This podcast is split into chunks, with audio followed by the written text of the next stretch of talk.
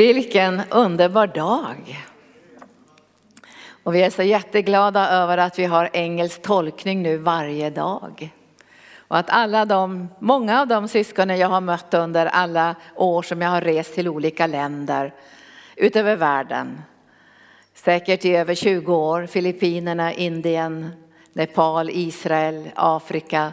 Ja, många, många länder. Och nu får vi möjligheten att betjäna många av de syskonen. Så att de får vara med och eh, tränas genom vårt, vårt uppdrag här i arken. Att bereda plats för Jesus såklart, det gör de ju redan. Men att bygga också bibliskt helande center. Med Jesus i centrum, med försoningens verklighet, med Guds ord som grund och den heliga andes kraft och andens nådegåvor. Men också vara med i församlingsbyggande, vision och evangelisation. Och därför är vi väldigt, väldigt glada nu. Alltså jag bara njuter och fröjdar mig och glädjer mig. Och jag vet ju att när jag kan börja resa igen efter pandemin så kommer jag möta många som har gått på Arkens bibelskola. Så ni ska vara särskilt välkomna. Men sen tackar jag också kanal 10 för möjligheten nu att sända hela den här konferensen live. Så många av våra vänner som ser kanal 10 kan följa oss nu live eller på repriserna. Men ni kan också följa oss via Youtube såklart. Det är många här idag. Vi glädjer oss över att ni är på plats. Men vi glädjer oss också över våra distanselever som finns också i de nordiska länderna. Och vi känner att vi liksom hör ihop. Och jag tror att många kommer under den här helgen också att höra Herrens röst i elfte timmen. Ibland hör man Guds röst i elfte timmen. Gör det bästa och viktigaste valet, det som är det nödvändigaste, att sitta vid Jesu fötter. Många saker är viktiga, men det finns en sak som är nödvändig att sitta vid Jesu fötter och ha honom först i sitt liv. Sen kommer alla de här andra sakerna att lägga sig på rätt plats. För Jesus säger ju, sök först Guds rike och hans rättfärdighet, sen ska allt det andra tillfalla dig. Som min medarbetare Helena sa så kommer den här helgen att handla om den heliga ande och då kommer vi att beröra många olika områden. För den heliga ande, han verkar ju på många olika sätt. Och då kommer vi att beröra den heliga ande i dig. Alltså det verk som den heliga ande gör genom sin ande i ditt liv. Och det är viktigt för oss att kunna gensvara till det som anden gör i oss. Och vara trygga med den heliga ande. För han talar ju, han leder oss, han förvandlar oss, han föder fram frukt i oss och han verkar också till Jesus likhet. Och då behöver du och jag vara trygga med andens verk på insidan, eller hur? Så vi kan säga ja till det han gör och känna igen det som han gör. Och därför kommer bibelskolan nu när vi sätter igång ordentligt nästa vecka och när jag undervisar er från tisdag så kommer jag betona den heliga ande i dig. Och det kommer vi att göra under flera dagar eller ett, ett helt block. För vi kommer också ha en annan bibellärare här som heter Martin Rehn som kommer att tala om den andliga kärleksrelationen. Och det är den vi kommer att betona, den helige ande i dig.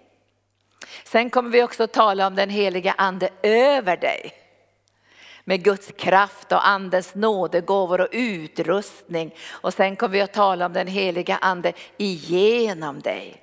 Men vi har ett helt år på oss. Men under den här helgen så kommer jag betona olika saker så vi får lära känna den heliga ande inom olika områden. Så därför kommer jag undervisa lite åt olika håll den här dagen. Men det är viktigt för er att veta att, att nästa vecka så kommer vi att betona den heliga ande i dig. Jag har ju skrivit mer än 20 böcker. Så under det här året har jag skrivit faktiskt två böcker. Och det kommer ut en bok nu också ganska snart som heter Den nya sången till Lammet, nytestamentlig lovsång. Vi har ju sjungit mycket lovsång genom åren och många gånger har vi fastnat för mycket i gamla testamentet. Men då, var, då fanns en förlåt, kommer ni ihåg det? Man kunde inte komma in för Guds ansikte som man kan i det nya förbundet. Så den boken kommer snart. Men den bok som vi ska läsa sen under den här blocket, den heliga ande, den heter så här. Den heliga ande, Jesu härlighets ande. En bok om den heliga ande i dig, över dig och genom dig. Den heliga ande gör många saker. Men i det här blocket nu om den heliga ande i dig så kommer vi att läsa kapitel 1 till 5. Och vi kommer att läsa om det, vad den heliga ande gör på insidan. Vi kommer att läsa om den heliga andes manifestationer och våra reaktioner. Och vi kommer också att läsa om andens uttryckssätt. Hur han kommer, hur han manifesterar sig. Ibland som olja, ibland som vatten, tordön och vi ska bli trygga med den helige ande. Så, men idag kommer jag beröra många olika saker. Jag ska börja med bara säga någonting kort. Jag heter Linda Bergling och jag kom på att jag snart har tjänat Jesus på heltid i 50 år. Det är länge. Jag har snart tjänat honom på heltid i 50 år och jag är lika hänförd. Jag är lika skakad så att säga, på insidan när jag får träda fram och undervisa. För jag måste alltid vara beroende av den helige ande. Och även om jag kan Bibeln i princip utan och innan så måste jag vara beroende av den heliga ande. Och därför är jag så beroende att du ber för mig. Att du ber för alla bibellärare. Vi får inte plocka bara fram gammal skåpmat utan vi måste vara berörda, ledda av den heliga ande i undervisningen. Så att vi håller oss i linje med Guds ord. Att Jesus kan träda fram och uppenbara sig. Att anden kan ge sanktion. Så du får ett möte med Jesus. Och jag sa igår att när vi går på den här bibelskolan så är det inte först och främst en teoretisk bibelskola. Även om vi önskar att du ska få huvudkunskap och veta när Daniels bok skrevs och vem Haggai är och varför det är skillnad på nya och gamla testamentet och sådana saker. Men du ska få en mötesplats med Jesus så ditt liv håller. Jag visste redan som ung att om jag inte får en andlig kärleksrelation med Jesus så kommer jag bli en vingelpetter. För det var jag innan jag var frälst. Jag kastades hit och dit, jag bodde i Paris och jag bodde i Afrika och jag snurrade runt i olika relationer med den djupa otryggheten jag hade i mitt hjärta. Jag var inte rotad. Idag har jag rötter. Och de viktigaste rötterna som jag har är i Jesus Kristus, rotad och grundad i hans kärlek, i hans kallelse och i hans uppdrag. Och det ska du bli också. Alltså du ska få en mötesplats med Jesus. Och vi önskar ju att när lärarna undervisar så ska du inte se lärarna efter ett tag. Även om du ser lärarna, ni förstår vad jag menar. Du ska se Jesus och han ska tala till dig, för ni är så olika. Nu är det i början på bibelskolan går vi i båda klasserna tillsammans, upprättelseprogrammet årskurs 1. Men jag vet ju ändå att ni är så olika, ni har olika bakgrund, olika kulturer, ni har mött Jesus på olika sätt och ni har vuxit med honom på, på, olika, på olika sätt också. Så han måste undervisa er privatundervisning. Visst är det bra det? Alltså han vet ju vem du är. Han vet ju om din ryggsäck är tung eller lätt. Han vet hur ditt förflutna ser ut, för han har burit det på korset. Så det här önskar vi för er i bibelskolan, också er som är distans och ni som är i andra länder, att kärleken till Jesus ska bli så stark. Så vi kan säga en dag så här till när folk frågar sig, men du ska inte åka dit, det är så farligt, det här landet är så farligt och tänk om du blir förföljd och allt det Då kommer du att säga som Paulus, förstår inte ni vem jag är? Såra inte mitt hjärta. Jag är inte beredd att bara lida för det här namnet. Jag är beredd att dö för det här namnet. Alltså det fanns en sån kärlek i hans hjärta som säger Kristi kärlek driver mig. Det fanns en drivkraft i den här kärleken och den drivkraften önskar vi ska bli så stark under det här året så du ska känna att du nästan brinner upp. Eller hur? Alltså vi, vi lever ju i det nya vinets tid. Inte en liten, liten droppe vin utan när vi läser om bröllopet i Kana så är det ju hundratals liter vin som är en bild på det nya förbundets andliga kärleksrelation. Och vi önskar att du ska få dricka av det här nya vinet och din kärlek till Jesus ska bli så stark så du kan vara med och bygga Guds församling och vara så rotad så att du inte kastas hit och dit av villolärare och konspirationsteorier och, och fruktan som finns i den här världen. För det står människor ska stå rådlösa vid havet och vågornas storm. Men då måste det finnas en plats och ett folk som är stabila. Eller hur? Som inte bygger på lösans hand, men som bygger på klippan Jesus. Så nu fick ni inledningen igen som jag hade igår. Det är Jesus, det är Jesus, det är Jesus. För det här älskar vi Jesus. Och vi vet att den heliga ande älskar Jesus och lyfter upp Jesus och förhärligar Jesus. Så jag tänkte jag bara skulle inleda lite hur jag blev frälst, bara kort så här. En del av er känner ju mig och jag har också skrivit en biografi. Men när jag, när jag blev frälst då, då hade jag, jag har ingen kristen bakgrund, min pappa är socialist. Och han, han, han blev frälst i slutet av sitt liv och min mamma blev också frälst. Men han var socialist då. Jag drogs ju väldigt kraftfullt i vänsterrörelsen, miljörörelsen. Och 70-talet i Sverige var ju också en tid av av man skulle bråka mycket i universitetsvärlden och det var mycket som föddes fram där under 70-talet. Och jag var med där i de här demonstrationerna, Vietnamdemonstrationerna och, och födelsen av, av miljörörelsen och alltså kraftiga bråkstake var jag bland bråkstakarna. Men jag hade brand i mitt hjärta för att hjälpa människor. I 20-årsåldern åkte jag till Afrika för att vara volontär. Men det var ju så mycket uppror där hela tiden. Så när jag hade varit där i ett år så råkade jag ut för ett sånt här rebellöverfall. De dödade många människor och jag hamnade mitt där bland soldaterna och de satte k-pisten i huvudet på mig. Och jag trodde de skulle döda mig så jag tappade talförmågan. Det gjorde de inte. Men jag fick ju väldigt kraftfull posttraumatisk stress och under flera år när jag kom hem till Sverige, då hade jag gjort en vända till Paris och bott där och, och läst också vid Sorbonne, vilket jag inte klarade av för franskan var för svår. Kom tillbaka till Sverige med ganska stora psykiska problem på ett sätt på grund av att jag hade varit utsatt för det här då i Kongo. Och fick äta medicin under en period fast jag berättade inte det för någon men jag mådde väldigt dåligt och hade ofta sådana här skräckupplevelser och, och ångest som kom över mig och rädsla så, så att jag fick som panikångest och då tog jag åt sådana tabletter för att jag skulle lugna ner mig. Men jag hade aldrig gått in i en kyrka. Jag hade, jag hade liksom börjat gå emot allt vad kristendom var och vi brukar ju skoja och säga att kristna talar om beefsteak in the sky when you die och det är opium för folket. Det är bara mm, så bortvänt liv. Och jag var emot också alla kristna som inte var politiskt engagerade, för det tycker jag man skulle vara då i vänsterrörelsen. Och då höll jag på med mina demonstrationer och jag höll på med alla möjliga olika saker. Och en kväll skulle jag träffa mina kompisar i slutet av 70-talet. Nej, inte i slutet utan det var, nu sa jag fel här, det var inte slutet, det var vad säger, nästan på slutet av 72 precis mot 73 så skulle jag göra någonting med mina kompisar, vänsterradikala kompisar och jag skulle vänta på dem i en liten skogsdunge eller park och där låg en kyrka. Och jag stod och väntade på dem och det var sent på hösten och jag frös jättemycket om fötterna för jag var dåligt klädd och de kom inte i tid. Och jag stod där nästan och svor för att de inte dök upp i tid. Och då plötsligt hörde jag en röst. Kan Gud tala? Jag hörde en röst som sa, gå in och värm fötterna i kyrkan. Jag tänkte, vem är det som pratar? Alltså det var så märkligt med den där rösten.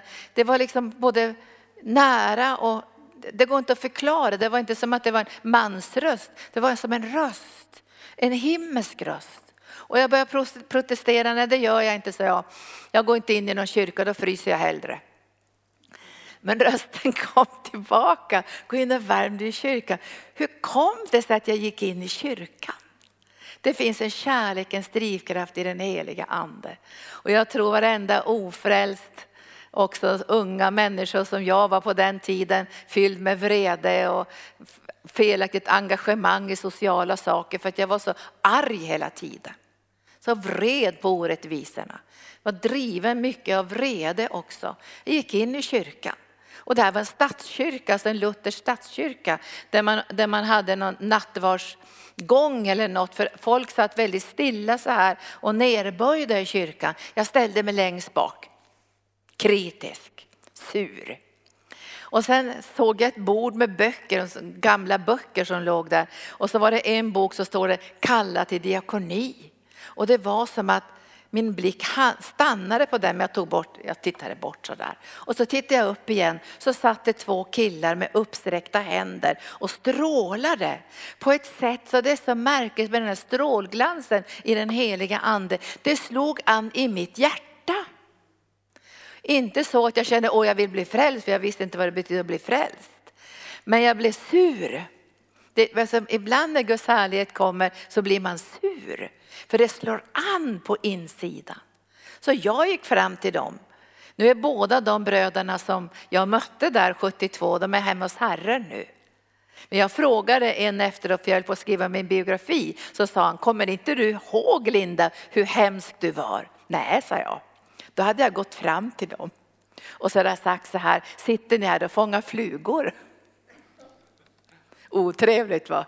De satt så här och prisade Gud. Och då, då fann de sig och sa, stanna kvar så ska vi berätta för dig om Jesus. Och jag stannade kvar. Den heliga ande kan få folk att stanna kvar. Jag tänkte springa men jag stannade kvar. Och de kom till mig efter det där mötet, jag var säkert där en halvtimme. Och så sa de, bör de vittna om Jesus. Och den ena hade varit kristen sedan barndomen, liksom fallit av och levt lite sådär halvljummet. Och så berättade han att han hade fått ett nytt möte med Jesus. Och medan han berättade så kom någonting som jag brukar kalla den heliga andes pensel. Och han målade Jesus. Fast jag inte hade läst Bibeln så målade den heliga ande Jesus och jag visste i ett ögonblick, det är ja eller nej. Det här handlar inte om moral, det handlar inte om vänsterrörelsen, det handlar inte om mina utbildningar för jag skulle då gå in, jag ville ju gå in på doktorsprogrammet för jag var ju färdig med min kriminologiutbildning och jag hade många planer. Det handlar inte om det, det handlar inte om någonting annat än säger du ja eller nej till Jesus. Jag bara visste det. Det är ja eller nej till Jesus. Och jag visste inte om jag skulle gråta eller svära, det var en sån blandning på insidan. Och så kom den andra killen och berättade att han hade varit narkoman. Och Gud hade frälst honom, förvandlat honom genom Jesus och gett honom ett helt nytt liv. Och anden tog penseln igen. Och så målade han Jesus, så målade han Jesus. Och jag visste inte vad jag skulle göra så jag svor nog mest. Jag bryr mig inte om det här så jag vad pratar ni för strunt. Och, och då frågade de, kan vi få ditt telefonnummer och så här så kan vi kontakta dig. Ja, ja, ja, ja, ja, sa jag. jag men jag ville bara skrika. Det var så konstigt vad anden gjorde. Vi känner igen det här. Så man ska inte tro att bara för att någon blir sur och står emot och så, att det inte har hänt någonting på insidan. Men jag kom hem och försökte glömma bort det här. Och jag var i mitt studentrum där och tänkte jag vill, inte, jag vill inte ha kontakt med de där killarna. Då ringer de och säger vi hämtar dem tio minuter. Vi ska åka till en bönegrupp. Till bönegrupp, så jag vad är det för någonting? Grupp? Bönegrupp, hade aldrig hört i mitt liv. Och då tog de mig till Stockholm till en bönegrupp, en karismatisk bönegrupp som jag förstår vad det var idag. Det var kristna från alla möjliga håll. Och det var hemma hos en, en person som heter Gösta Hög som också är hemma hos Herren, som var docent och grundare för teologiska högskolan i Stockholm. Han hade de här mötena hemma. Han hade blivit fylld med den heliga ande, fullständigt förvandlad och andedöpt. Och där satt det folk som jag förstår efteråt från Jesusrörelsen satt på golvet och spelade gitarr och andra mera kyrkliga satt på stolar, kanske 40 stycken. Och när jag kom dit helt främmande för allt det där, då började jag bråka på en gång. Hur använder ni era pengar? Satsar ni på Bangladesh och barnen där i nöd? Och jag satt och tjafsade och bråkade. Och de var så jobbiga de här människorna för de ville inte debattera. Så när jag bråkade som allra mest sa de Jesus älskar dig. Jobbigt va? Och jag försökte igen med någon ny infallsvinkel och politik. Jesus älskar dig. Och sen när jag hade tjafsat där kanske en hel timme för de gav rätt mycket utrymme till mig där för de tänkte låt henne få prata sen blir hon säkert frälst. Men de sa ingenting att jag måste bli frälst. Utan de sa bara nu ska vi tillbedja Jesus sa de, och vi ska tala om hur mycket vi älskar honom. Alltså då, då vet jag, vad gör anden då? Penseln. Alltså anden är där. Och där ska vi titta kanske på kort idag att anden kommer till världen med uppenbarelse om synd, rättfärdighet och dom i fråga om synd. För ni tror inte på Jesus. Ingenting annat. Därför ni tror inte på Jesus. Och när jag satt där så började de sjunga, jag kommer ihåg än hur de sjöng en väldigt enkel kärlekssång till Jesus. Och så fortsatte de och så fortsatte de med någon annan sång och sen började de sjunga i anden. De sjöng på ett främmande språk. Jag visste inte vad det var för språk. Jag hade aldrig hört det där konstiga språket. Hon sjöng i anden. Står om det i Bibeln. Tungotal. Och när de sjöng var anden där igen med penseln och målade Jesus. Och jag tittade runt i lokalen och tänkte, eller det stora, det stora rummet, vardagsrummet, var är dirigenten någonstans? Ingen kan sjunga så här vackert. Ingen kan sjunga så harmoniskt på olika sätt. För det var som att anden dirigerade den här sången på ett sätt som fortfarande griper mitt hjärta. Alltså tänk att anden kan komma med en sån härlighet så att himmel och jord kan mötas. Alltså himmel och jord ska mötas i församlingens lovsång till Lammet. Och då passar den helige ande på att ta penseln igen. Men inte bara penseln, han knackade på mitt hjärta.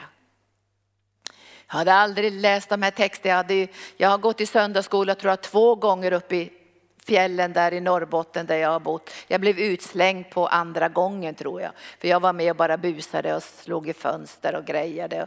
Alltså jag fick inte vara kvar. Så jag visste inte vad som stod i Bibeln.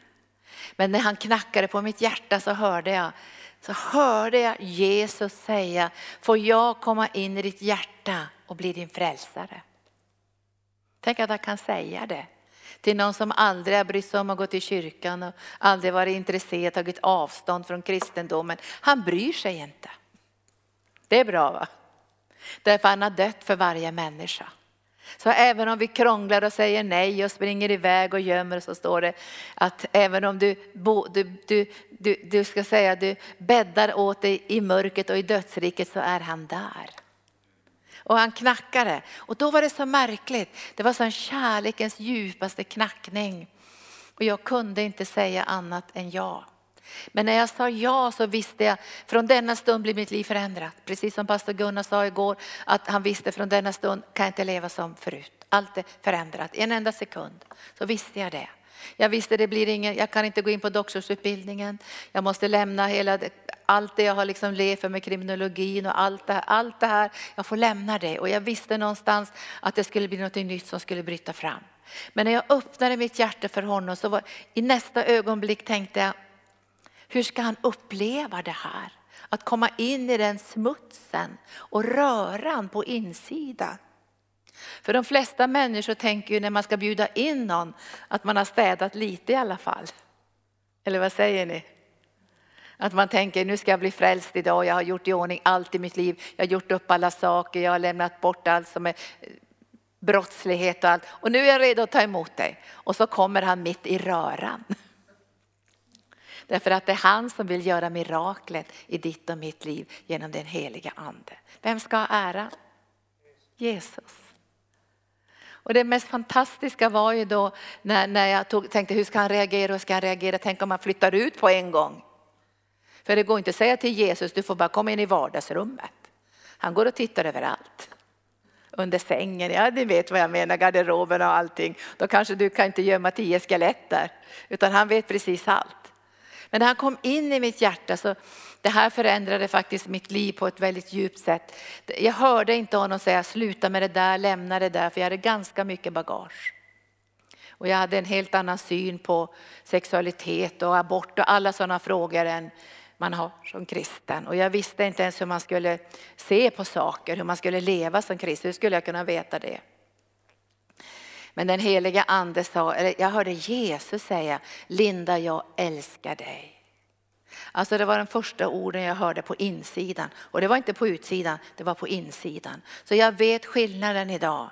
Den helige ande finns på insidan, han finns över dig med kraft och han verkar igenom ditt liv och dina gåvor och din kallelse och din utrustning. Det är den helige ande.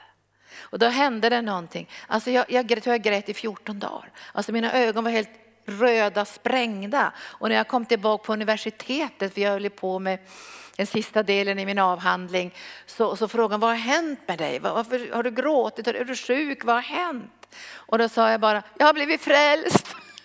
Och de tittade på mig. Jag kommer ihåg en kompis blev riktigt arg så han tryckte upp mig mot väggen och sa nu får du lämna det där struntet. Vi har andra saker att tänka på. Och så, så var det någon som sa, men berätta vad har hänt med det? Vad skulle, hur skulle jag kunna säga? Jag hade ju inte läst Bibeln än. Så jag fick bara dra till och säga så här, ja, jag har blivit frälst och det, det, det är Jesus och korset och blodet sa jag. Men så sa jag sen, men jag ska berätta mer när jag läst boken. Och nu kan jag faktiskt berätta ganska mycket. Jag har läst boken och jag känner Jesus. Och på den vägen gick det och jag visste inte hur ska jag göra nu när jag inte söker söka in på doktorsprogrammet för det var så spikrak väg för mig. Jag hade bestämt det den alltid, allt var förberett. Och då visste jag inte hur gör jag nu? Och då pratade jag med docent Gösta Höök, hur gör man? För jag känner att Gud har kallat mig på heltid. Jag ska tjäna Gud på heltid. Och han var ju kyrklig, han var ju alltså jag var, jobbar ju i Svenska kyrkan så han sa, diakonissa blir bra, sa han. Och då kommer jag ihåg den där boken som jag hade läst i, i, i kyrkan när jag gick in där och bråkade med killarna, kallad till diakoni. Så istället för att göra de där saker jag tänkt med det, kriminologin och allt det här rättssystemet som jag höll på med, så började jag läsa teologi. Så läste jag teologi och sen så vigdes jag till diakonissa. Men innan jag vigdes till diakonissa så kom jag med i den radikala Jesusrörelsen och var ute som evangelist under väldigt lång tid i Europa, bodde i tält och det var radikalt. Men sen när jag kom tillbaka så vigdes jag till diakonissa och arbetade då i Lutherska kyrkan ungefär i sex år. Och då jobbade jag i diakoni. Jag jobbade med döende, jag jobbade med sjuka, jag gjorde hembesök. Jag jobbade också med retriter, väldigt mycket med retriter och utbildningar och sånt. Men sen kom en stor väckelse över Sverige. Och jag kom också med i den väckelsen och Gunnar kom med i den väckelsen och hans liv förvandlades och jag fick med en, ska säga, en, ett möte med Gud som gjorde att jag visste någonstans att jag inte bara skulle vara predikant utan jag skulle vara med och bygga Guds rike. Bygga församling, missionsarbete, bokförlag, helande center och allt det här. Så när pastor Gunnar och jag möttes blev det två strömmar som flödade i ett. Så det som jag hade på mitt hjärta, stora missionsarbetet, helande centret, bibelskolan, bokförlag och andra saker kunde kopplas till ett starkt församlingsbyggande. Så tillsammans så fick vi nåd med alla våra underbara medarbetare och församlingsmedlemmar att börja utföra det här arbetet i Norden och ut över världen.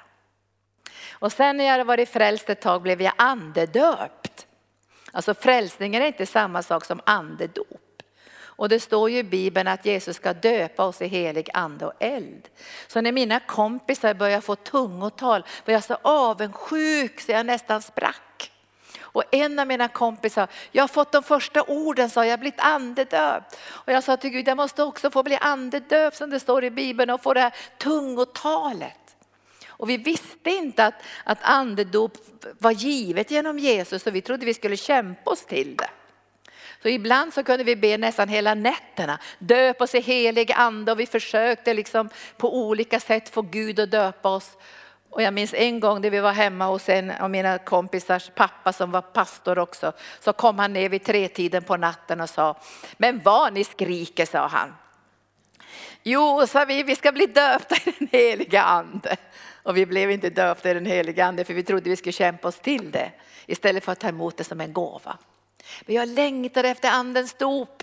Och jag tror andens dop är för alla, för han ska döpa i helig ande och eld, eller hur? Så jag längtar efter det här. Så då kommer jag ihåg, jag bodde i Uppsala på den tiden när jag läste teologi där, så, så var jag i en pingstkyrka tillsammans med en del syskon för vi hade varit ute och evangeliserat och jag hade fått tag på en kille som var narkoman och jag skulle ha in honom i kyrkan. Så jag nästan tvingade honom in i kyrkan. Jag höll honom i handen och sa, nu ska du och jag in i kyrkan. Så han följde med mig lite ovilligt och så skulle en av mina kompisar döpas den kvällen. Och så stod vi där i kyrkan och jag stod och höll honom för att jag får inte smita tänkte jag. Men nu ska han bli frälst, vi var radikala evangelister. Och så stod jag och bad för honom då, att Jesus verkar nu så han blir frälst, gör på samma sätt som du gjorde mot mig, knacka på hans hjärta. Och då plötsligt hörde jag hur jag pratade kikongo. Det språk som talades i Kongo. Och jag hade aldrig kunnat lära mig språket. Jag är inte särskilt språkbegåvad. Får kämpa med språk. Jag kunde båte, ben och fjåte, kaka och all, några sådana här meningar som jag kunde på kikongo. Plötsligt talade jag flytande kikongo. Kände igen språket. Jag blev galen och vild och började springa runt i hela kyrkan och skrika. Jag är andedöpt! Och sen försvann Kongo när jag pratade himmelska språk. Och jag kunde inte stoppa. Alltså jag pratade he hela kvällen och jag tänkte, tar det inte slut av Vad som att tungan bara gick på mig. Och det stod i kristen tidning sen veckan på anden hade fallit i den där pingkyrkan. För det blev som en rörelse där när anden verkade så kraftfullt i mitt liv och det blev säkert andra som också blev andedöpta. På morgonen när jag vaknade talade jag inte i tungor och jag försökte få tungan att röra sig. Den gjorde inte det. Och då ringde jag min kompis. Åh, tungotalet har försvunnit, tungotalet har försvunnit. Vad ska jag göra? Det var så starkt igår kväll. Och då sa hon, nu har du fått gåvan. Du kan du starta när du vill. Fast det är fortfarande andens gåva.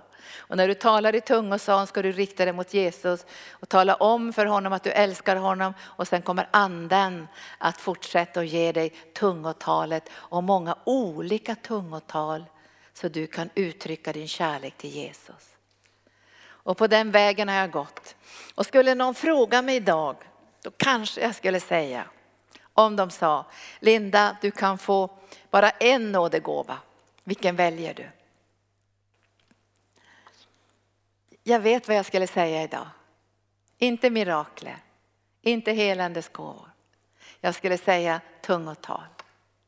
Därför när jag talar i tungor står det i första Korinthierbrevet 14 så talar jag hemligheter till Gud. Alltså det är mitt hjärtas, min andes språk till Gud.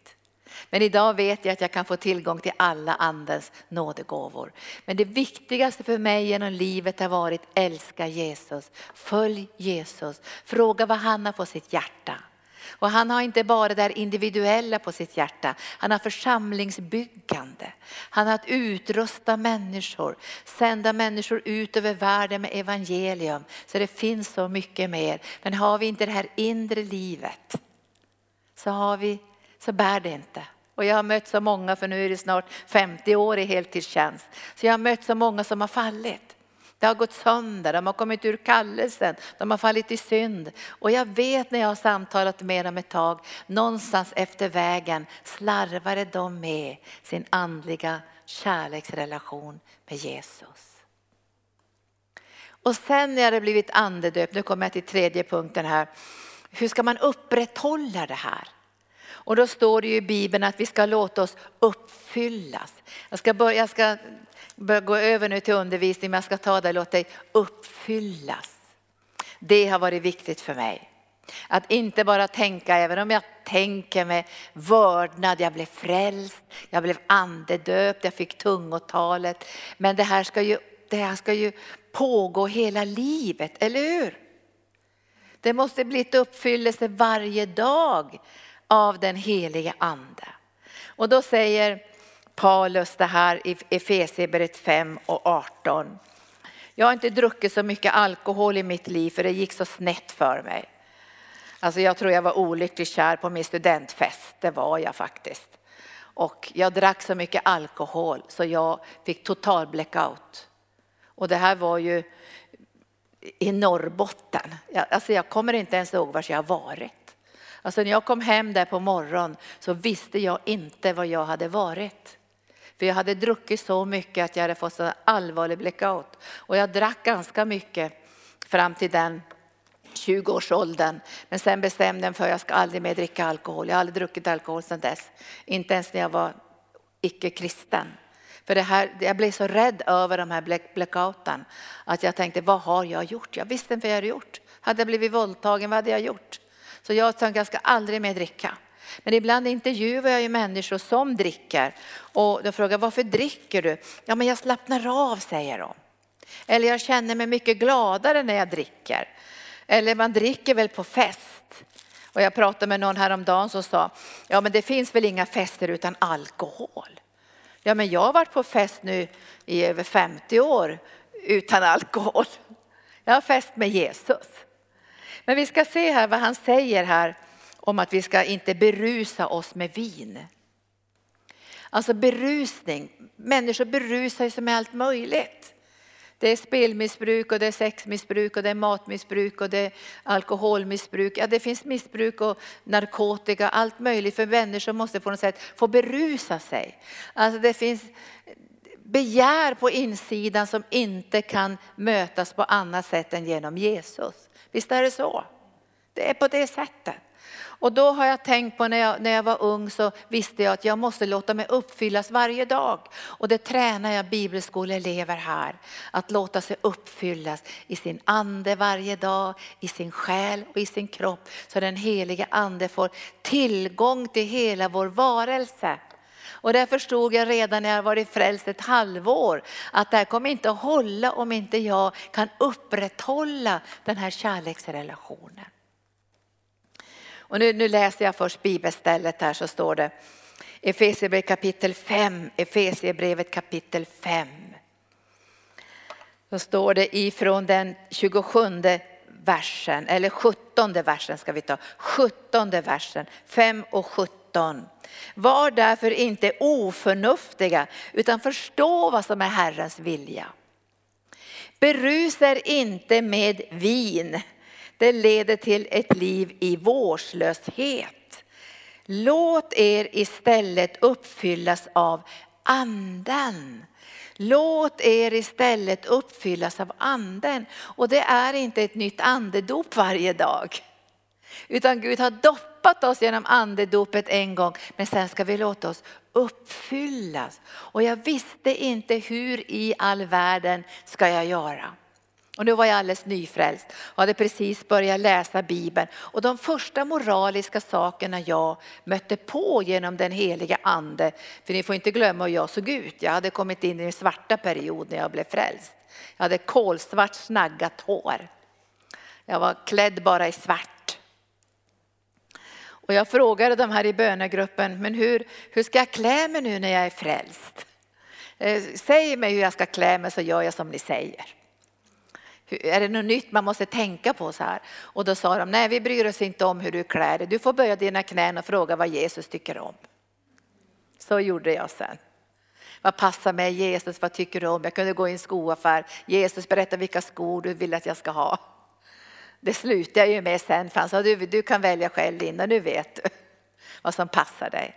Så jag fick lämna min svarta period där och komma in i någonting nytt. Och det, de första sakerna jag kände var att jag kunde inte göra, det, det här med abort gick inte längre. Alltså det gick inte att tänka så, för plötsligt såg jag varje människas värde. Och det här som var fri sexualitet, det gick inte längre. Det, det, det, det, var det gick inte att tänka så något mer. Alltså plötsligt såg jag att min kropp var ett tempel och att den heliga ande och det kom inifrån min andliga kärleksrelation med Gud. Men mitt problem var min rastlöshet, min oro.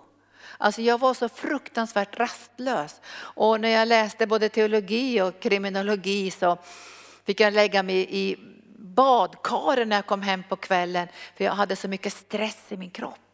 Och jag tänkte, hur kan jag få min kropp att bli stilla? Hur kan jag få min själ att bli stilla? Alltså jag kände ju Jesu kärlek men det var mer som i min ande, men min kropp och min själ var på något sätt jobbigt för mig. Jag fick inte till det här. Och sen så skulle jag åka till en retreatgård tillsammans med några kompisar. Vi hade varit ute och haft någon sån här ja, mera Jesus-folk så vi vittnar på gatorna och så. Och då kom jag till ett retreatcenter ett kyrkligt retreatcenter. Och där var det en präst som hade fått kontakt med buddhismen och ville träna oss unga i zenmeditation, alltså buddhistisk meditation. Man skulle kunna kalla det mindfulness idag.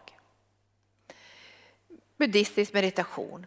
Och så sa han, jag kan lära er hur ni ska sitta och hur ni ska andas och allt det här. Och då sa han, då kommer du att få lugn i din kropp och då kommer du att må mycket bättre. Och, och jag tänkte, ja men jag var ju alldeles nyfrälst ett halvår.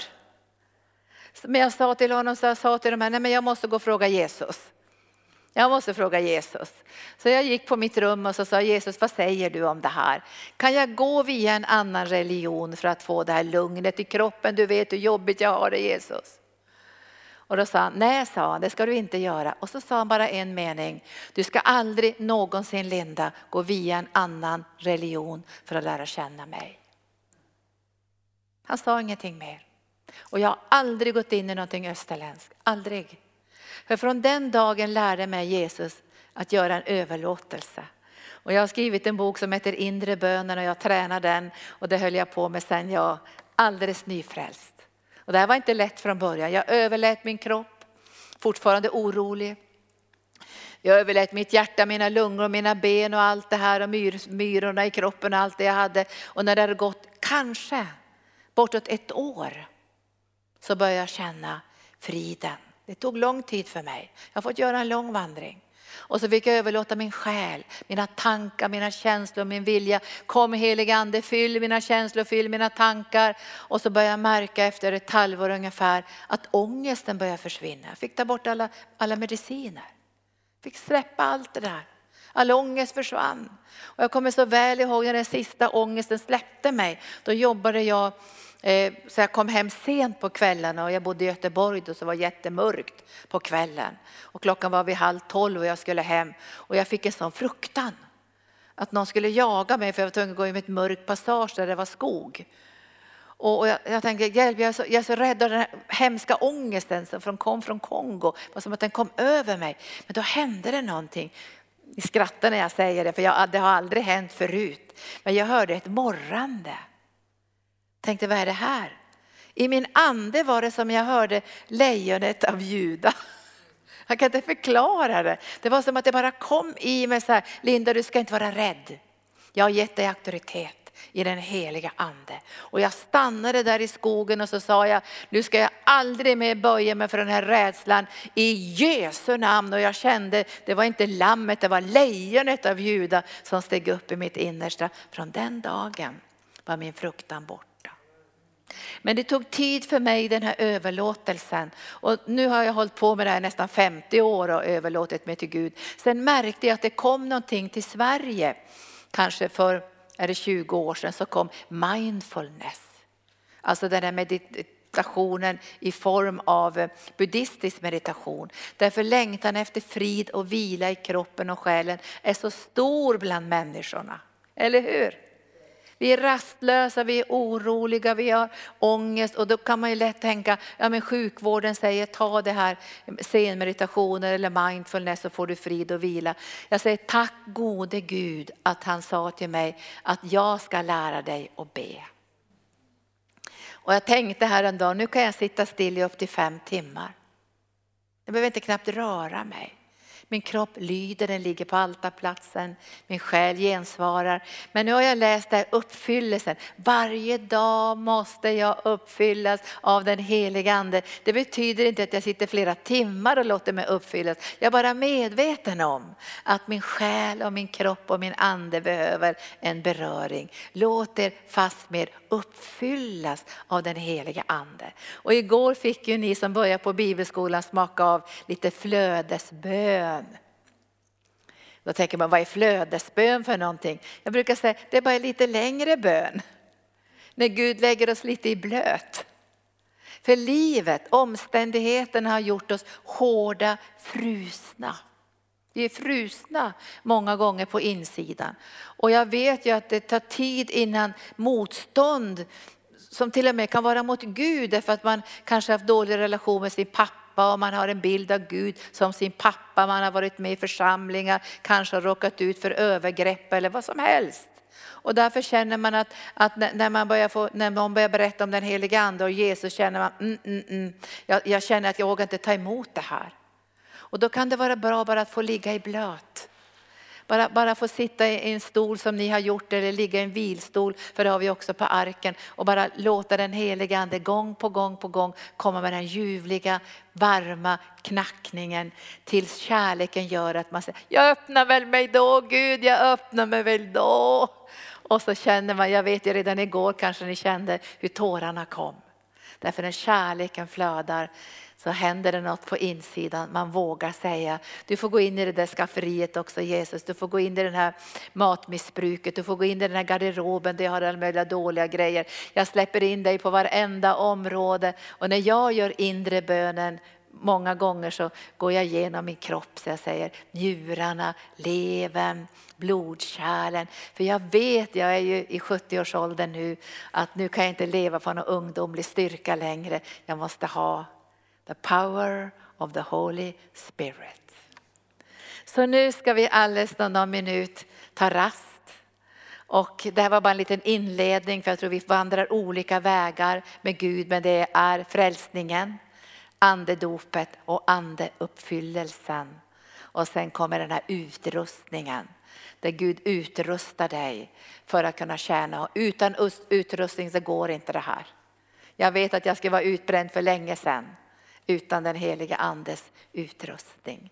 Så nu tackar jag dig Herre för att du frälste mig. Att du förvandlade mig. Att jag fick den här mötesplatsen med dig Jesus, med hjälpen från den heliga Ande. Hjälpare, tack att du var där och målade Jesus för mina inre ögon. Tack hjälpare heliga Ande. Vi älskar dig heliga Ande för att du uppenbarar den skönaste av skönaste konungar som vi älskar. Och en dag ska vi fira bröllop med honom i den eviga världen. Och därför tänker vi välkomna dig heliga Ande i bibelskolan. Vi tänker ge dig utrymme. Vi kommer att känna igen villoläror och snurrigheter och överandlighet. Men vi kommer att känna igen också dig heliga Ande så du får göra ditt verk ibland oss. I Jesu Kristi namn. Amen. Då ska vi ta rast och ni som ser oss nu kommer att få möta arkens lovsångare nu under ungefär 20 minuter. Gud välsigna er.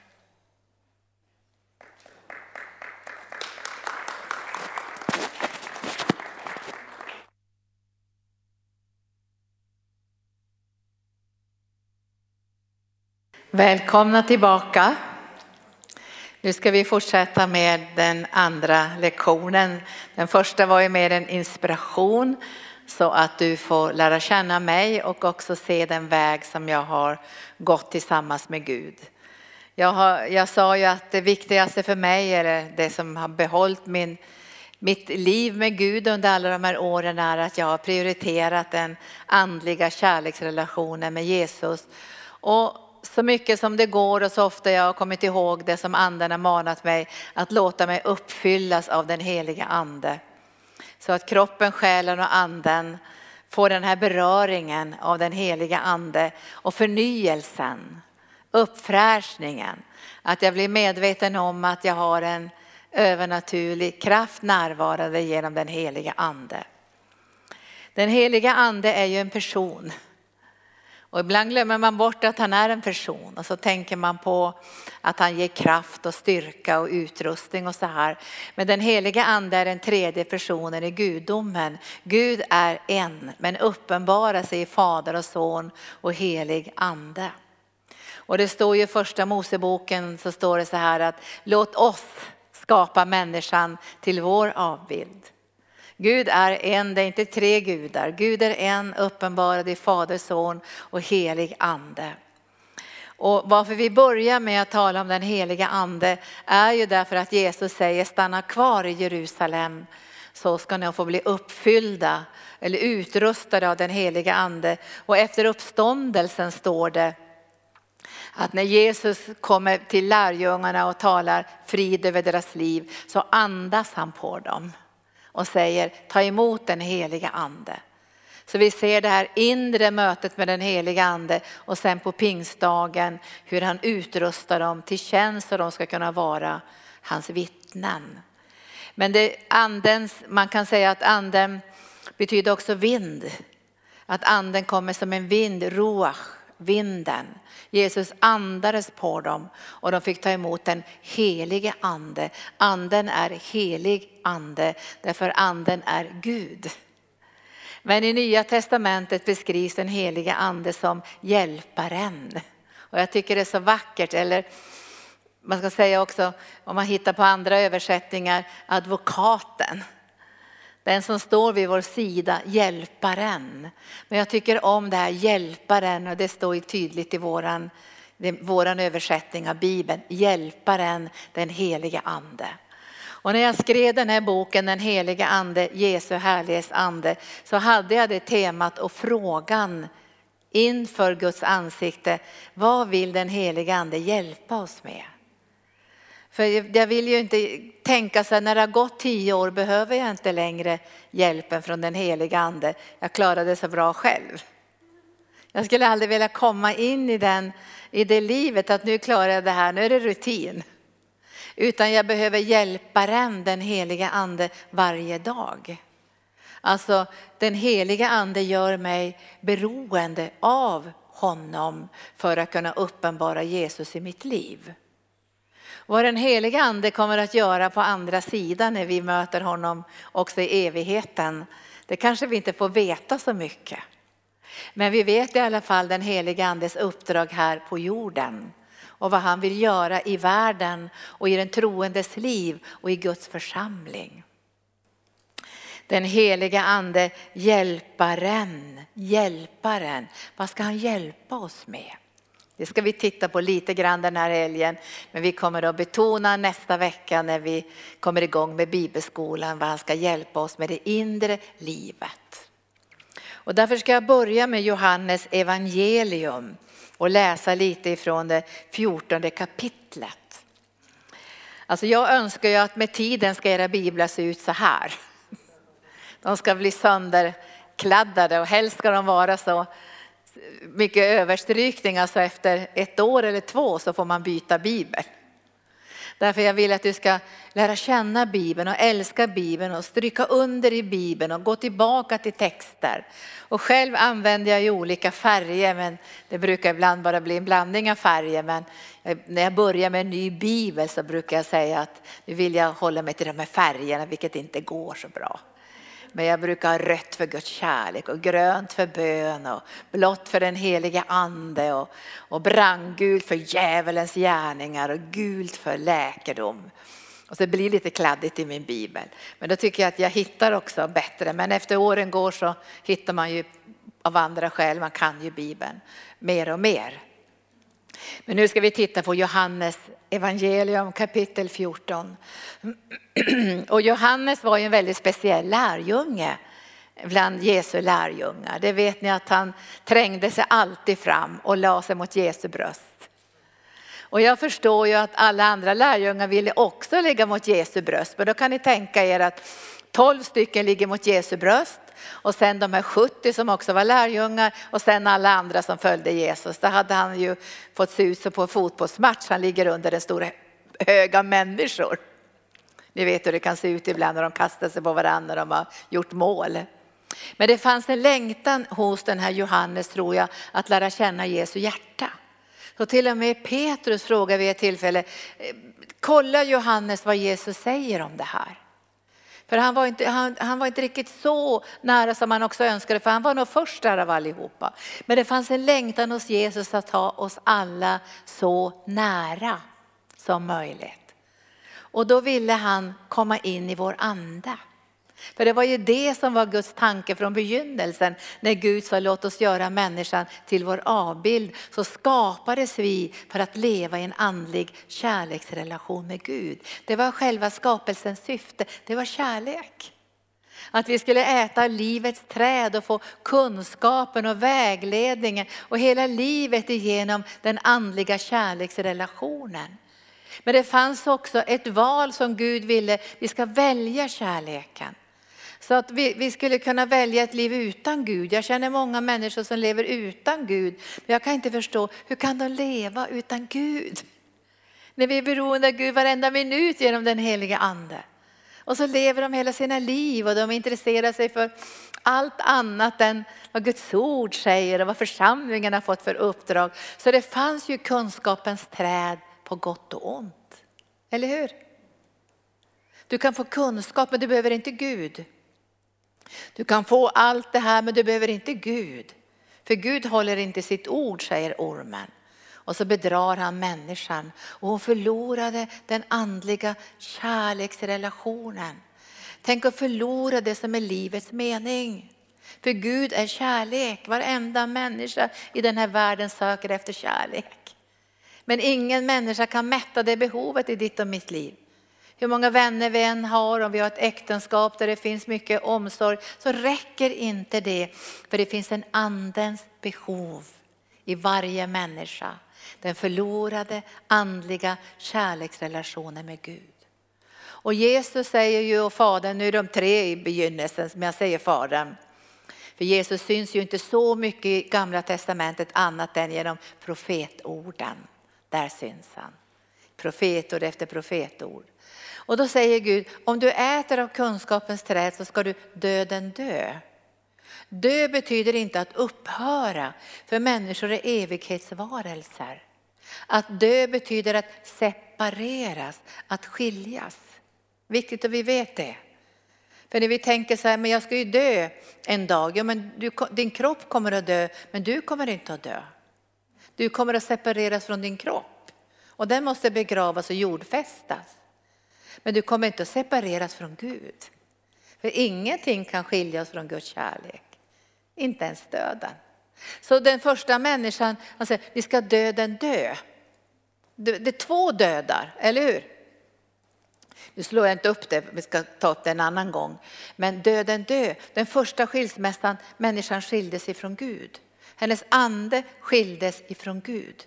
Det var den första döden. Den andra döden varnar Jesus för och säger det är den eviga skilsmässan. Var och en som tror på mig ska inte förgås utan ha evigt liv. Den andra döden är den eviga skilsmässan. Och nu kan ju människor gömma sig med saker i det här livet, eller hur? Man kan fylla sig med allt möjligt, med materiella, med utbildningar och sånt. Men en dag måste vi klä av oss allt. Och då blir det den eviga skilsmässan. Men den vill inte Gud att någon människa ska uppleva. Därför har Gud gett sitt son till oss för att ta bort synden, det som hindrar människan att få tillbaka den andliga kärleksrelationen. Det har varit Guds plan från begynnelsen. Visst är det underbart? Att vår Gud som fick köra ut Adam och Eva ur lustgården börjar planera på en gång. Kvinnans säd ska söndertrampa ormens huvud.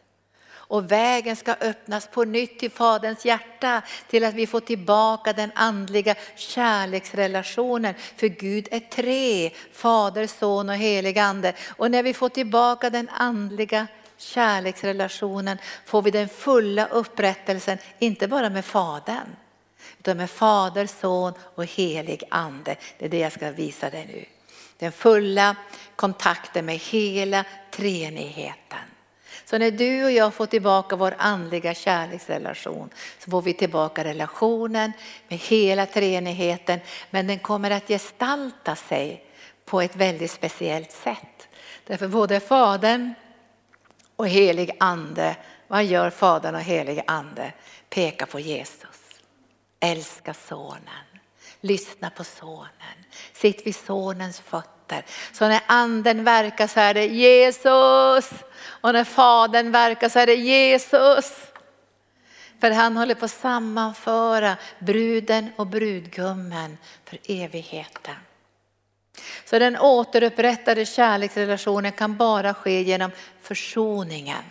Och därför finns det också uppenbarat att vi ska få nya hjärtan. Håll kvar nu Johannes evangelium kapitel 14, jag har inte glömt bort det. Men vi ska titta på Hesekiel 36 innan jag går dit. Hesekiel det är ju gamla testamentet och där finns det väldigt många profetier som berättar om Jesus och vad som ska ske i den yttersta tiden genom Daniels bok. Men här ska vi se kapitel 36 som säger någonting märkligt. Om ett nytt förbund och ett nytt hjärta. Här profeteras det att vi ska bli födda på nytt. Och då säger Herren ifrån kapitel 36 i Hesekiel. Hesekiel är ganska stor bok och vi kommer att läsa mycket i Hesekiel också längre fram. Men han säger så här. Jag läser, läser bara ur sitt sammanhang för vi plockar ut det här bara. Vers 24. För jag ska hämta er från folken och samla er från alla länder och föra er till ert land. Här talar han också om det judiska folket. 36 och 24. Jag ska stänka rent vatten på er så ni blir rena. Jag ska rena er från all orenhet och från alla era avgudar. Jag ska ge er ett nytt hjärta. Och jag ska låta en ny ande komma in i er. Jag ska ta bort stenhjärtat ur er kropp och ge er ett hjärta av kött. Jag ska låta min ande komma in i er så att ni vandrar efter mina stadgar och håller mina lagar och följer dem. Vad är det han talar om här? Någonting nytt ska ske. Gud ska flytta in i människors hjärtan. I hela gamla förbundet får ingen gå inför Gud och leva. Förlåten är stängd, det vet ni. Men när brast förlåten? När Jesus dog på Golgata kors, då brast förlåten. Därför att synden skulle försonas och tas bort, inte bara överskylas. För då måste man offra gång på gång på gång, på gång på gång, varje dag, varje år. Som i den judiska tron som visar vägen mot lammet. Men en dag ska synden tas bort och all synd ska försonas. Då kan vägen öppnas till Guds eget hjärta och vi kan se Gud ansikte mot ansikte. Det kommer att ske pånyttfödelsen. Pånyttfödelsen. Och det här är begrepp som inte finns i all kristendom. Därför man menar man, om man har lite ritualer och man ber vissa böner och så här så blir man kristen.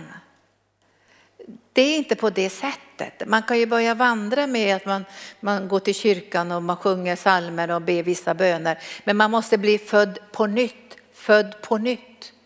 Och det här säger Jesus till Nikodemus i Johannes evangelium, nu citerar jag bara. En människa måste bli född på nytt, annars kan hon inte komma in i Guds rike. Född på nytt. Född på nytt. Vi är födda en gång, jag är född en gång på biologiskt naturligt sätt. Men jag kan bli född på nytt genom Guds ande. Född på nytt.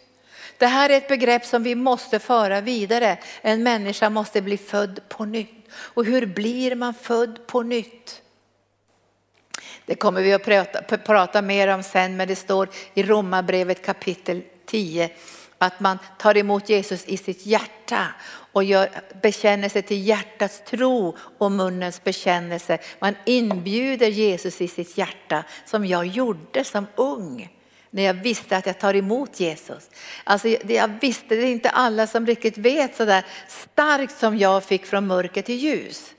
Men man kommer till en punkt och man kanske upprepar sig någon gång under livet och säger Jesus, du vet väl att jag har bjudit in dig i mitt hjärta om man nu blev frälst när man var liten så kan man liksom göra den här bekännelsen i vuxen ålder för att stadfästa detta. Jag har bjudit in Jesus i mitt hjärta. Och då när man har gjort det kommer den helige ande och föder oss på nytt. Det är ett verk av den helige ande. I samma ögonblick du säger Jesus, jag bjuder in dig i mitt hjärta och jag vill att du ska bli min frälsare. Jag tror att du har dött för mig och uppstått. Så kommer den, den helige ande och så föder han människan på nytt i Jesus. Om någon är i Kristus Jesus så är han en ny skapelse. Så det finns ingen pånyttfödelse i buddhismen, hinduismen, islam, i någon världsreligion. Det finns bara i kristendomen. Genom Jesu död och uppståndelse så finns pånyttfödelsen där Gud föder din ande på nytt och sammanfogar dig med himlens Gud. Är det vackert när jag säger det här? Han sammanfogar dig med himlens Gud genom din ande. Du ska få ett nytt hjärta. Och då kommer det här inifrån. Vi tror inte på att man ska, vi måste ju undervisa om vad synd är och så om inte folk vet det. Men när man börjar vandra med Jesus så vet man ju på en gång vad som är synd. Därför man vill inte bedröva den heliga ande som man har fått som ett sigill. Därför det kommer inifrån. Och du får en sån längtan, sån längtan, sån längtan. Jag vill leva ett heligt liv. Jesus, hur vill du att jag ska klä mig? Vad ska jag säga? För jag svor ju så hemskt när jag var ung. Jag har vuxit upp med svordomar. Min pappa är militär, var militär. Jag har vuxit upp på kaserngården och jag har svordomar sedan jag var fem år. Jag kunde massor med svordomar när jag var fem år. Jag lärde min kompis att svära också. Så att jag svor väldigt mycket. Och min pappa då som var eh, tränade militärer och så, han skulle få dem att gå på rätt sätt och han svor hela tiden. Så sa han, Linda du svär för mycket, sa han. Jag hörde inte längre att jag svor. Och så blev jag frälst. Vad hände i mitt liv? Jo, jag skulle gå till universitetet, jag hade varit frälst några veckor. Snavade på några kullerstenar där vid domkyrkan, kommer jag så väl ihåg, och föll och slog mig på knäna så det blödde. Och jag svor en harang.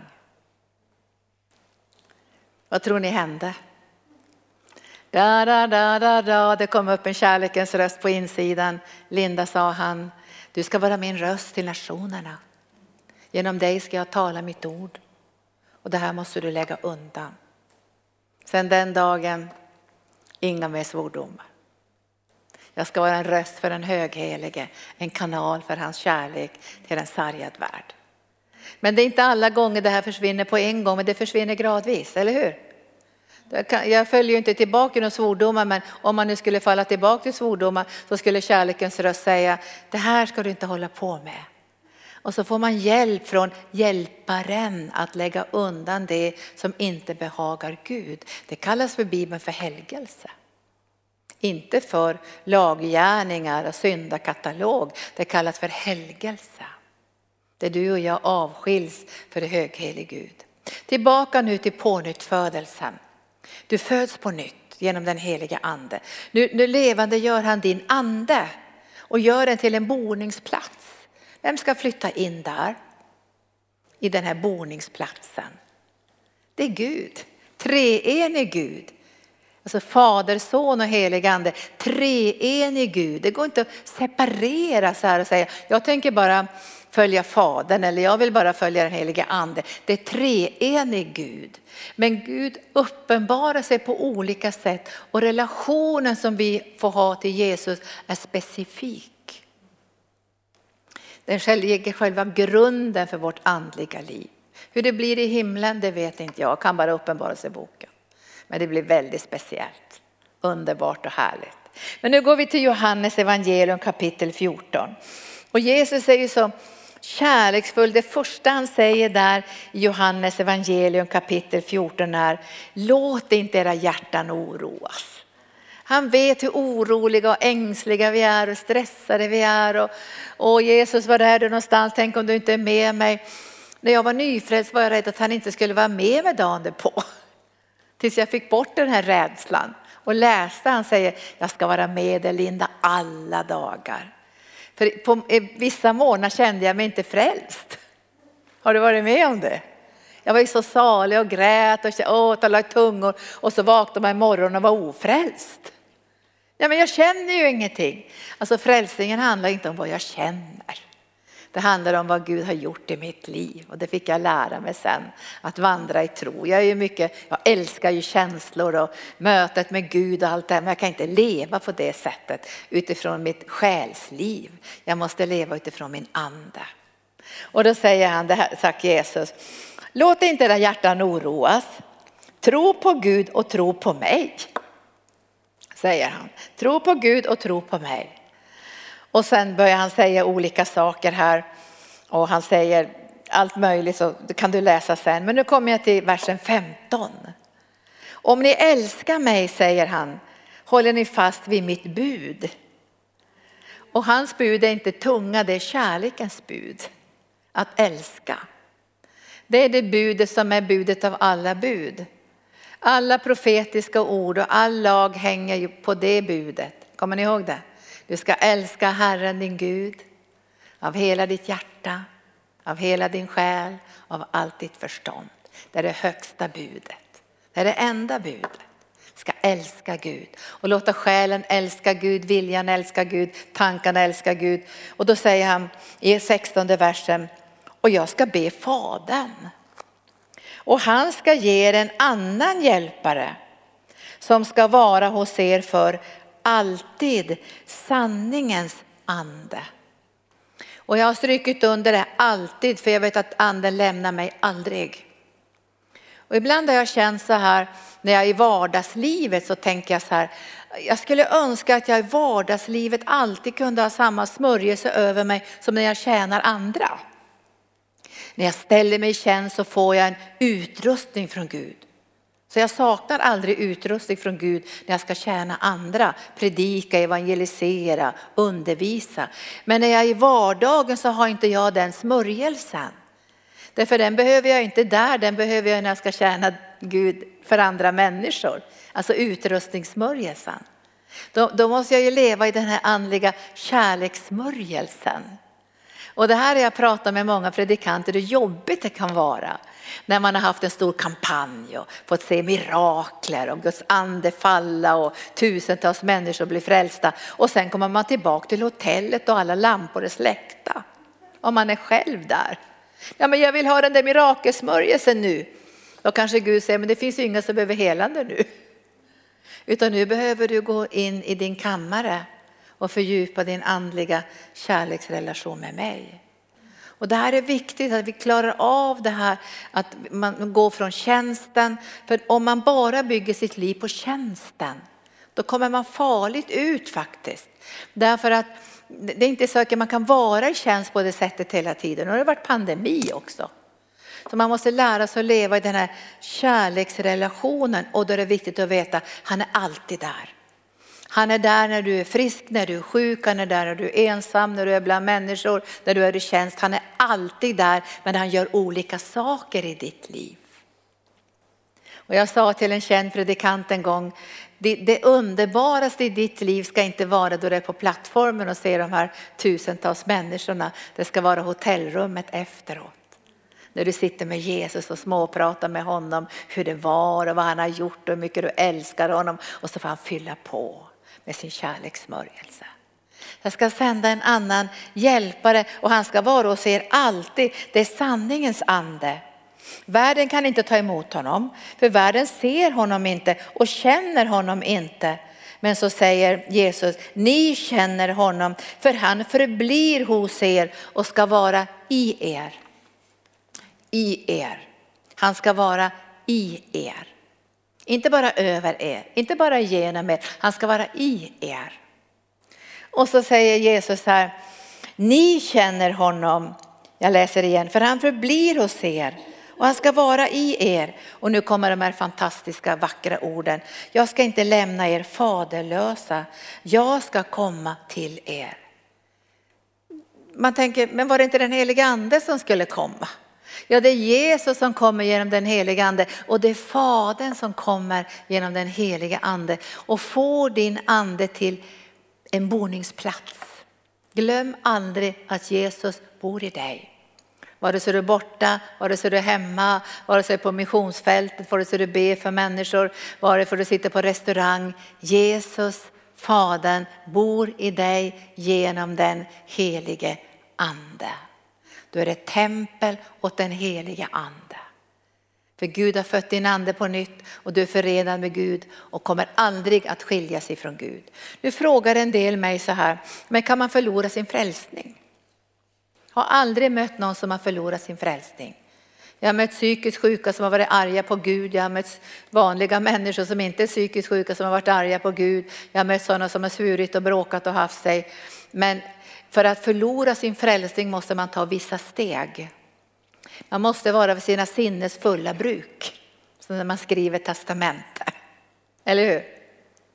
Så att man kan säga utan att man är sjuk eller förvirrad eller på dåligt humör eller vad man nu är. Att man ber att Jesus ska flytta ut ur ens hjärta. Att man gör det med medvetenhet, det har jag aldrig mött någon människa som har gjort. Jag har mött sargare, förvirriga människor och människor som man tror att de har hädat den heliga and, allt möjligt sånt. Men frälsningen är inte så lätt att förlora. Varför det? Därför att det är han som har åstadkommit den. Och jag tänker ibland på barn som man har. Det är inte alla barn som lever som man vill, eller hur? Det kan ju hända att dina barn under vissa perioder både är upproriska och elaka och springer iväg och förtalar dig och allt möjligt. Inte vet jag vad barn kan göra. Men de är inte, de, du, du, det är dina barn ändå. En gång, jag, jag har inte klagat så mycket i mitt liv, men en gång klagade jag när mina barn var tonåringar. Jag tyckte de var så jobbiga. Så jag klagade till Gud och sa, Gud, nu får du förstå hur jobbiga mina barn är, sa jag. Jag ville att han skulle förstå det där ordentligt och sätta sig in i det. Men jag tyckte inte jag fick något medhåll av honom. Istället hörde jag Jesus säga så här, ja men då ska du veta en sak Linda, hur jobbiga mina barn är. Va, sa jag. Är de jobbiga dina barn?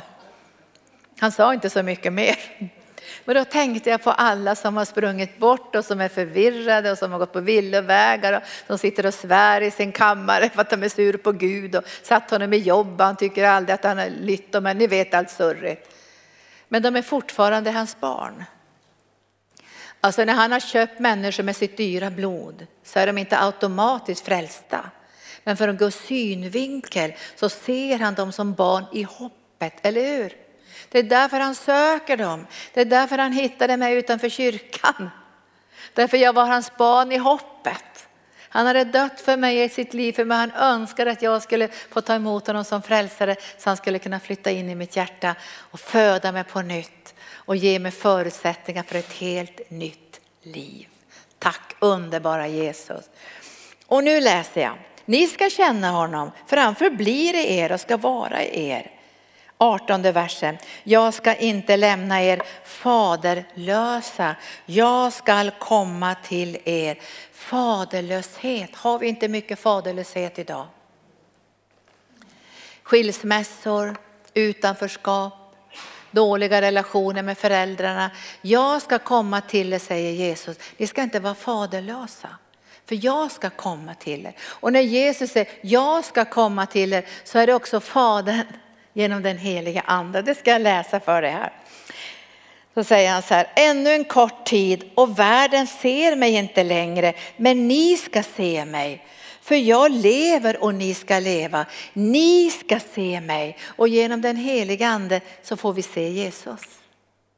Saliga är de renhjärtade för de ska se Gud. Och vi ska se Gud. Och när vi ser Jesus så ser vi Gud. För Gud Fadern har bestämt att uppenbara sig genom Jesus.